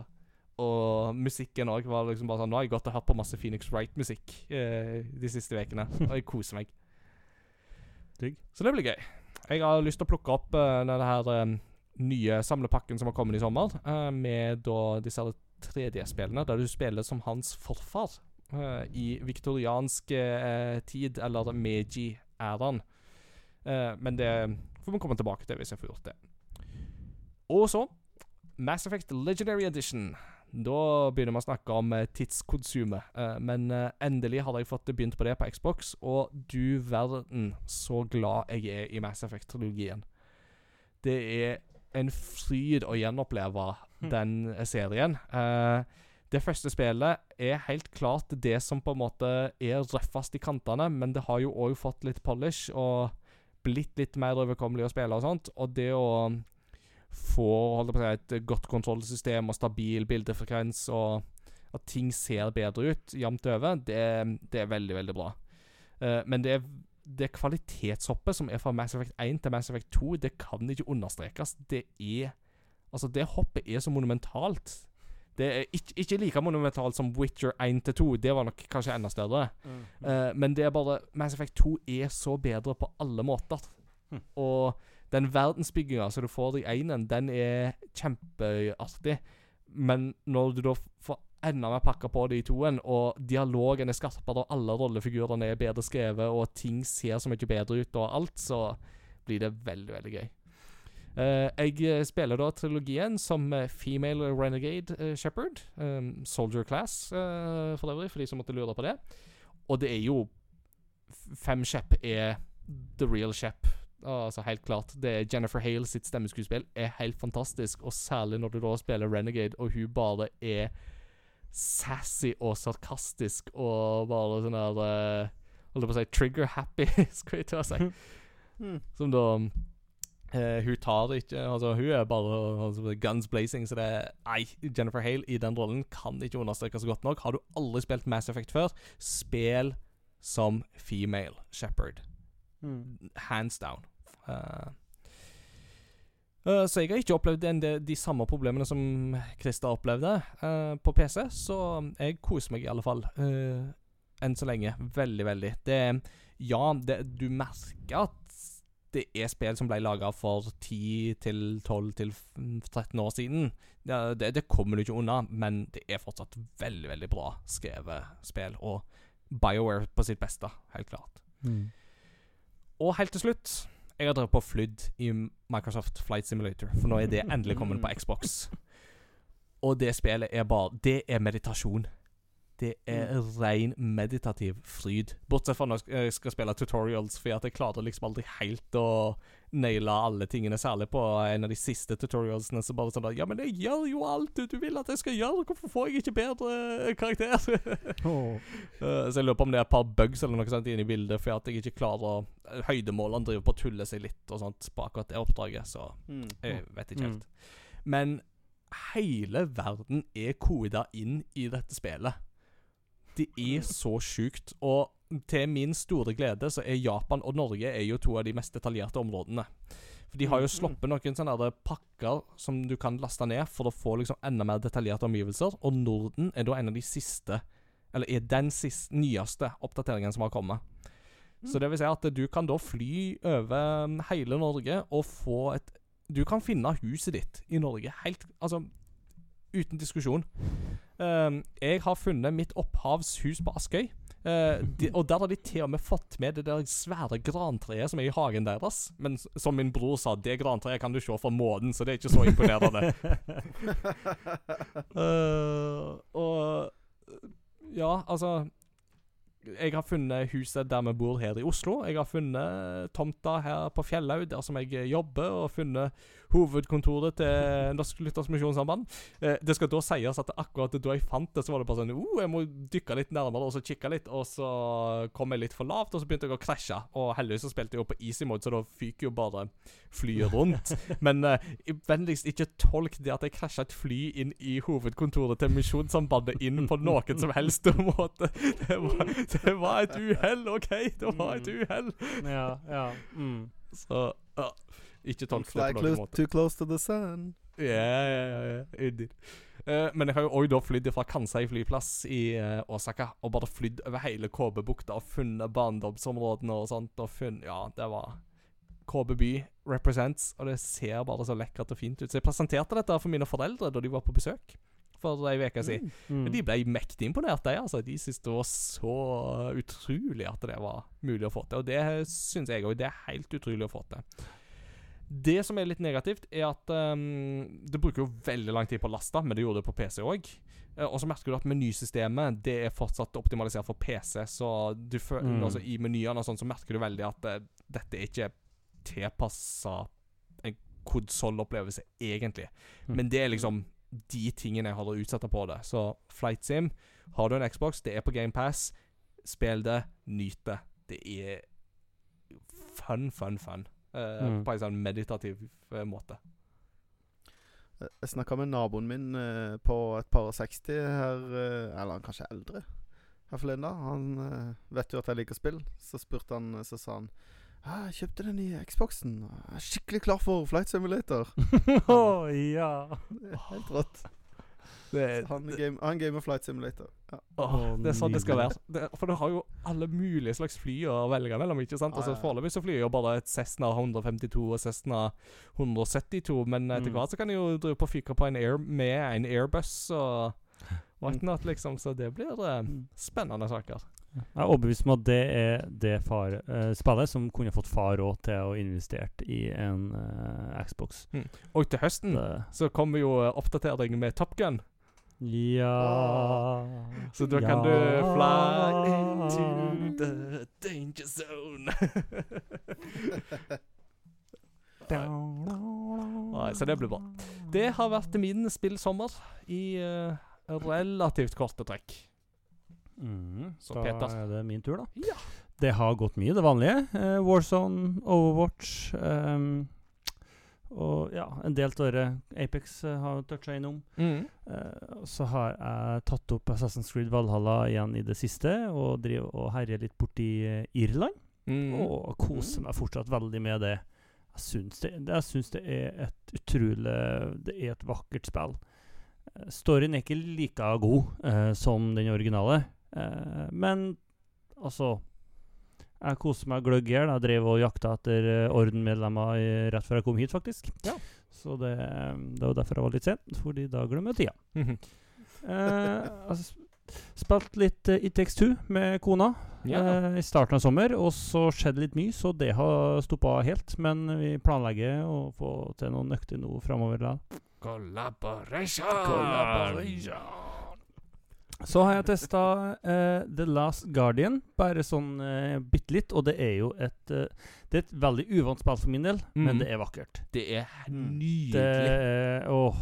Altså, det Animasjonene der og den verden der er helt fenomenal. Mm. Så uh, Og det, det spillet, det skriker etter en PlayStation 5-patch. altså en Mm. oppdatering som mm, liksom Absolutt.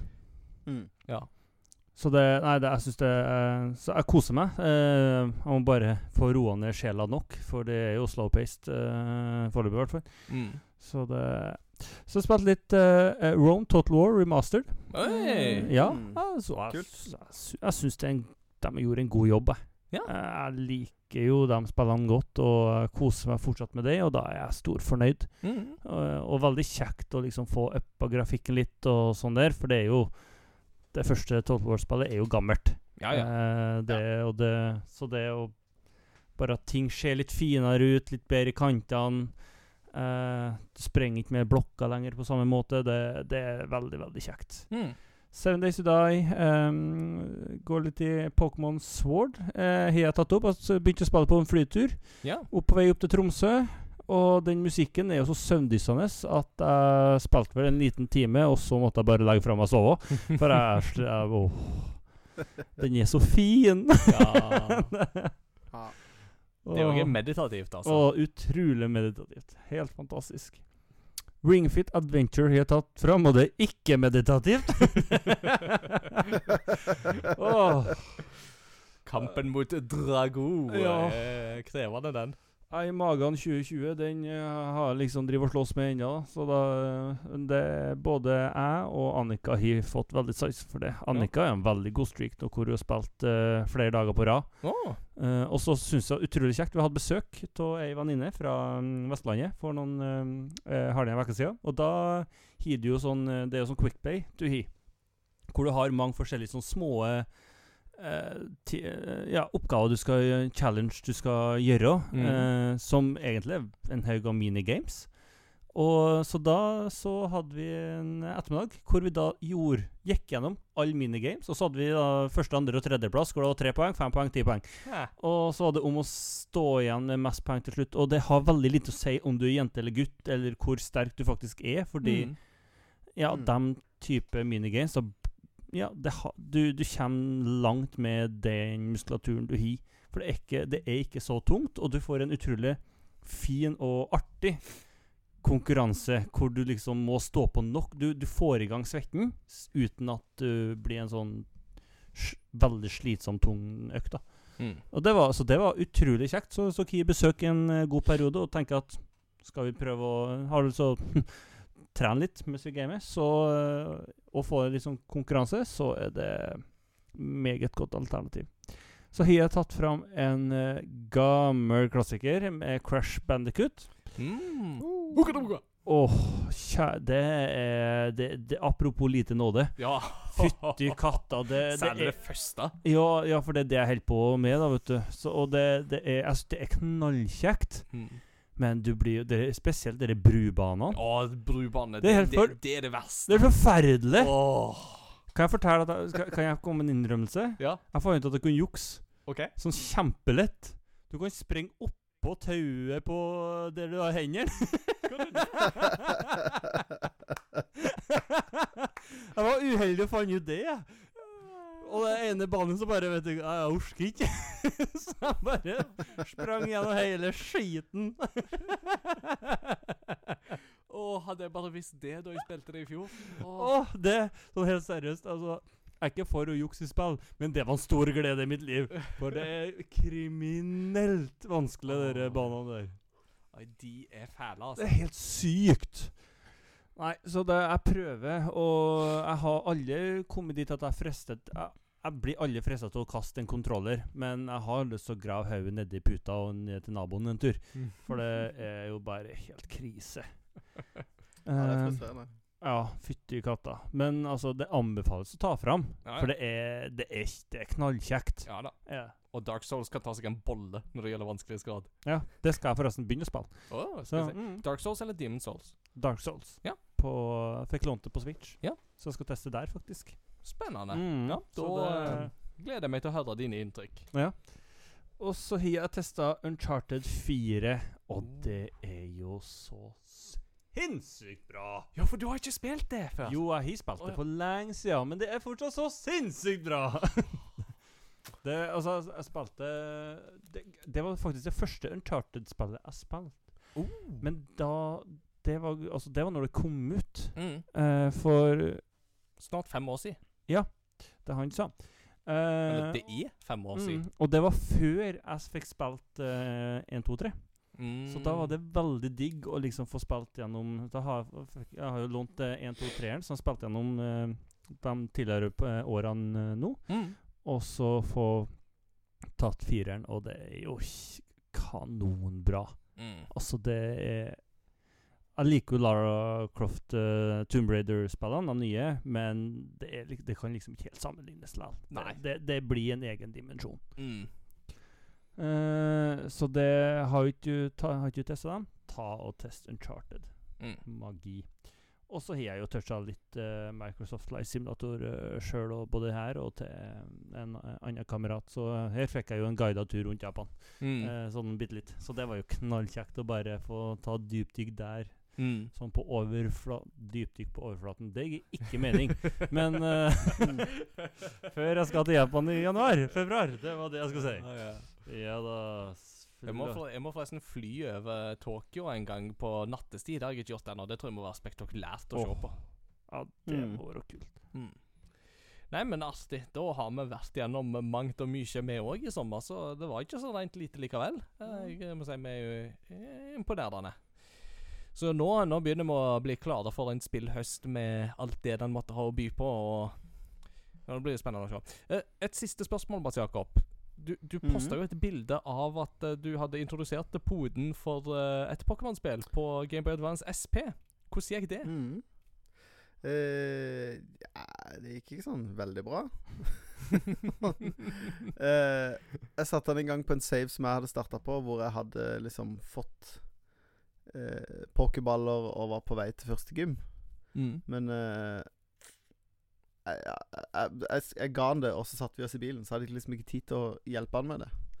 Så han endte opp med å spille Rayman istedenfor. Nei, Men nei, det likte han. Ja. Mm.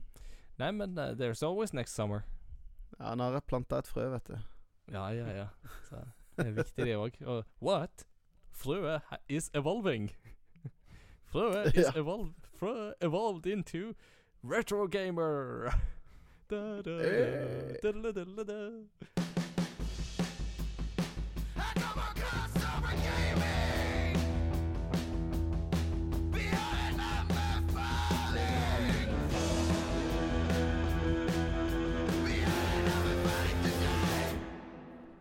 I dag tenkte jeg at jeg skulle ta anbefalinger. Ehm, for i sommer så um, har jeg fått lest en del. Um, og veldig mye av det jeg har lest, er faktisk spillrelaterte bøker.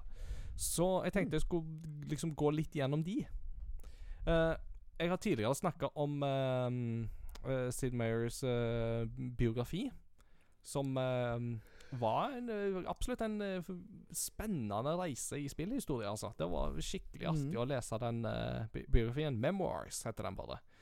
Eh, så mm, der tar han liksom for seg alt han har laga opp gjennom årene. Altså absolutt alle spill, både de lanserte og de ulanserte. Så det var Mm. så spennende dypdykk i en kreativ skaper som på en måte har vært i spillbransjen nesten fra den spede begynnelse og fram til i dag, og som har påvirka den på en veldig særegen måte, da, med spill som Civilization og Railroad Tycoon og uh, sånne spill. da Så kan absolutt anbefales. Og så leste jeg eh, Ask Iwata, som da er Mm. en samling av liksom kortere tekster og liksom intervjuer og samtaler, sånn som Iwata, altså Satoru Iwata, tidligere Nintendo-sjef som døde i 2015, eh, hadde for um, et, et, et, en japansk avis, tror jeg det er, han i utgangspunktet har skrevet for. da. Mm. Så det er egentlig bare rett og slett en sånn Iwata som oppsummerer en del av liksom sin bakgrunn og liksom sin filosofi for hvordan han liksom har tenkt når han har jobba, og hvordan hans eh, han, Altså, glede var liksom et sentralt prinsipp i Ivatas eh, filosofi. At det liksom ting skulle skape glede.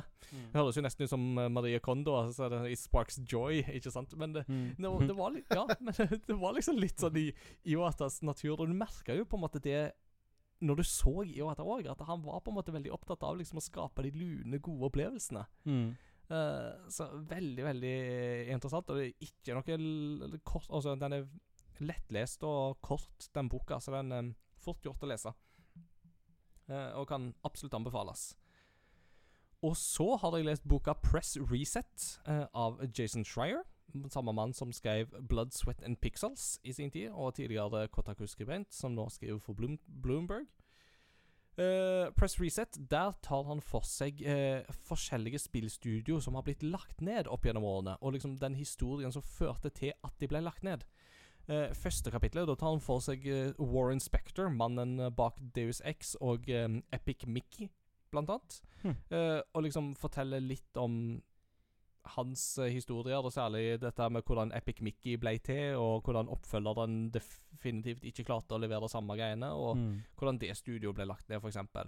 mest spennende her er jo eh, Altså, um, du får lese om Bioshock-studioet, altså Mm. Irrational Games, altså Bioshock Infinite, og du får lest om eh, eh, Det kanskje mest spennende er jo da 38 Studio av eh, Kurt Schilling, eh, som da var en baseballspiller som fant ut at han skulle uh, skape sitt eget spillstudio. Uh, og dette var jo da Kingdom of Amalur, som jo ble laga i sin tid. Og det var liksom Mm. Alt skulle bli så bra med dette spillet. ikke sant? Han var liksom en mann som bare liksom tenkte ekstremt grandiost. Hadde ingen holdt på å si, realitetsorientering om å begrense seg whatsoever.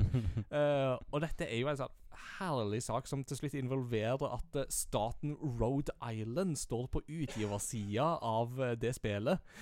for, for det liksom fordi ga han et lån og noen greier. Og det eh, Altså, Wow. det, det er så sammensurium av dimensjoner. altså, den historien der om Kingdoms of Avalor så, Varmt anbefalt bare av det, altså. Så ja. uh, så, så, så det var en artig lesning. Og så nå så sitter jeg da og leser, um, har jeg jo nevnt tidligere, eh, A History Nei, A Guide to Japanese Role-Playing Games, som da er utgitt av Bitmap, uh, Bitmap Books. Mm. De lager noen fantastiske oppslagsbøker som bare er en fryd å lese. Dette er 650 sider med japanske rollespill, som bare Så mye stoff. Så mye spennende. Masse herlige illustrasjoner. Eh, og for den som vil ha på en måte masse godt stoff uh, Det er jo ikke alt å si like lettlest som disse andre bøkene, men det er Mm. definitivt en sånn fin sånn bok å ha og slå opp i og lese om dine uh, favorittjapanske rollespill, eller lære om noen helt obskure ting. Jeg har f.eks. lært masse om japanske PC-spill fra 80-tallet. Ja. Som jo Mm. var et, liksom et stort marked for eh, japanske rollespill på det tidspunktet. PC var liksom main market helt fram til og med Dragon Quest. Mm. Dragon Quest Mm. endrer alt. Ja. Mm. Og helt til slutt så vil jeg òg da i litt sånn samme eh, sjanger uh, tease boka Region Locked, som da er fra YouTube-kanalen Did You Know Gaming. Mm. Eh, som Kult. da er en bok som jeg har vært med å støtte. Eh, så jeg er mm, partisk i denne sak. Eh, men eh, de har jo da en sånn subserie som heter Region Locked, der de tar for seg spill som aldri ble lansert internasjonalt. Som da Mm. ble låst til en eller annen region eh, av en eller annen grunn. Som regel da Japan, men det har jo vært andre eksempler på f.eks. spill som kom til Japan og Europa, men aldri USA, f.eks. Og hva er liksom greia med det? Så Mm. den, er, den er ikke like omfattende som A Guide to Japanese Role-Playing Games, men uh, den, den tar liksom noen utvalg her og der som er veldig spennende. og Litt mer lettlest, og liksom mer meint for på en måte å leses, kanskje, på en måte. Mer enn det kanskje Mm. Mm. den uh, japanske rollespillboka er, som er mer som en sånn coffee table-oppslagsbok, som er liksom et fint sånn blad i nå og da. Mm. Det er vel det. Uh, Kult. mye lesestoff for liten og stor, rett og slett. Eh, check a look. For dette er en hebreke pachinko-kontroller til Super Nintendo. It's curiosity. What are you gonna show to me? It's curiosity. What a neat thing to know. It's curiosity. What are you gonna show to me? I haven't even heard of it. What a neat thing to know. It's a great part of the show. Og Mats Jakob, hva er dagens great part of the show? Jo, nå skal du høre. Eh, jeg skal fortelle dere om eh, en eh, historie som er skrevet som heter The Subspace Emissaries World's Conquest. Ja. Hvilket univers skal jeg til da, tror du? Subspace Emissary Åh, åh, nå er det seint på kvelden. Nå blanker det helt, men Subspace Emissary uh. Åh, åh, Vi skal ikke, ikke Mass Effect. Nei. Uh. Nei, det er på det er Nintendo. Ja, det er jo det. Subspace Jo, det er Super Smash Bros. uh, Brawl. Det er helt riktig. Takk, takk for Vi skal hintet. til Super Smash-universet fordi Ja. at eh, Det er en eh, person som kaller seg sjøl bare for Christian, Christian. som har skrevet en eh, fanfiction eh, som eh, er eh, et av de lengste litterære verkene skrevet på engelsk. Oi. Den er altså på fire, fire millioner ord. 220 kapitler og er en Super Smash fanfiction. Og er et av de lengste litterære verkene på det engelske språk. Er ikke det sjukt? Wow! Oi, oi, oi. Kan du tenke deg å sitte, Han har sikkert sittet og skrevet 220 kapitler med Smash Bros. fanfiction som heter The Subspace Emissaries World's Con World Conquest. Eh, og det kan deles en link til den, men det er altså Helt vilt. Leses på Eh, eget ansvar, tror jeg man må Ja, si det- det. Altså. Ja, det tror jeg òg. Det er sannsynligvis Det er sikkert ikke for alle aldre. Eh, nei, men eh, så står det lagt til Der jeg fant denne kuriositeten som jeg leste, så er det jo lagt til da at eh, eh, det lengste publiserte engelske verket er eh, på to millioner ord. Så det er altså dobbelt så langt som det lengste publiserte verket på engelsk. Eh, Wow. det er imponerende. Det er mektig imponerende. Eh, Ja, Utrolig, så altså. eh, Nikolai må bare steppe opp fanfiction-gamet sitt her. Altså det, du, mangler, du mangler noen millioner ord. Åh. Terningen er kastet, rett og slett. Nei, det, det var Ja. Det visste jeg ikke. Det var veldig gøy kuriositet, rett og slett.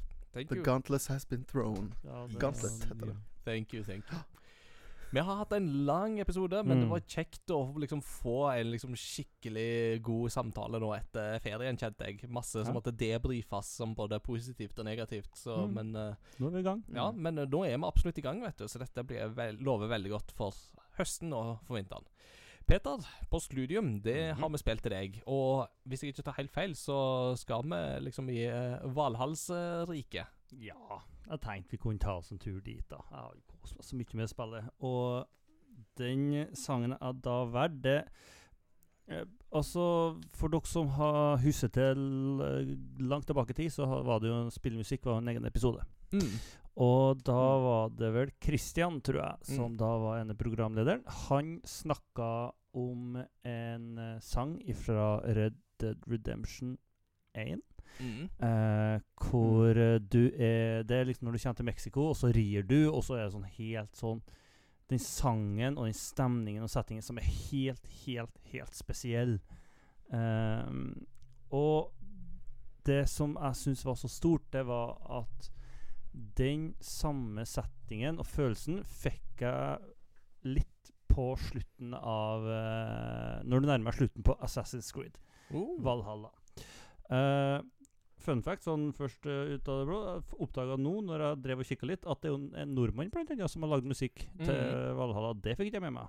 Einar Selvik, det er kult. Mm. Uh, jeg er ikke helt sikker på hva sangen egentlig heter, men nå hvis du søker jeg skal, Det kan vi finne ut av. Uh, men eh, det den, hvis du søker på YouTube, så er det da Assassin's Creed Valhalla Order of the Ancients Completed Song. eh, som da er den sangen du hører når eh, du har eh, eh, ja, bekjempa Order of the Ancients, som du da kjemper mot her. Mm. Jeg regner med ikke noe spoiler å si at For det gjør du all, i alle spillene. Uh, at du klarer det. Uh, men den sangen der Altså, når jeg da hoppa på hesten, og den sangen begynte, og så bare ridde jeg gjennom England Nydelig. Det var helt nydelig. Det var liksom midt i solnedgangen. Det var helt fantastisk nydelig. Skjønte ikke en dritt av hva de sang om i sangen, for det er sånn keltiske uh, greier. Men hele den stemningen i setningen, det var Åh, det var så digg. Åh, nice. Så det jeg liksom måtte fi jeg finne fram den på nytt igjen flere ganger, bare sånn Og Mm. noen ganger er gaming bare utrolig nydelig. Når det, det er så mange Mm. brikker som bare passer så perfekt. Uh, så dere som uh, skal spille Valhalla og ikke har gjort det ennå, gled dere til det. Mm. Eh, og så håper jeg at dere eh, bare kan eh, nyte den sangen her. Det skal vi. Mm. Absolutt. Eh, jeg må plukke opp igjen Operasjone Assassino og få spilt litt mer Assassin's Creed snart. Men eh, Ja. det er jo tett vet du, med ting som kommer, så Vi får se, vi får se. Mm, Livet er tøft. livet er tøft. Ja. Det er hårda bud. Jeg trenger en ny ferie, så jeg kan bare sitte Ja. og game. Rett og slett. Start på nytt, jeg var klar. Uh, ikke sant. Nei, eh, med det så har vi virkelig kommet i gang. Så da gjenstår det egentlig bare å takke for oss. Og vi er tilbake igjen om to ukers tid med en vanlig episode. I mellomtida så kom gjerne innom Discord og heng med oss der. Eh, det quizzes, og det retrospill lauges, og det humoriseres, og det er ikke en måte på hva som skjer der. Så det er veldig, veldig artig. Eh, Jeg eh, koser meg uh, i den discorden, uh, og det er en vakker, fin gjeng vi har med oss, så bli med der. Mm. Fortsatt være frimodig på å spørre om folk har lyst til å bli med og spille. Det er alltid kjekt når at, man, har, man har en ledig kveld, og så sitter en liten gjeng der, eller at Vi hadde et fullt, lag. Åh, for det var så sy... I Overwatch, det er jo greit å si. Mm. Det, åh, det var fantastisk. Det var, det var gøy. Ja, det var kjempekjekt. Mm. Så bli med, folkens. Mm. Vi snakkes ved neste korsvei. Ha det bra. Ha det. Hallo.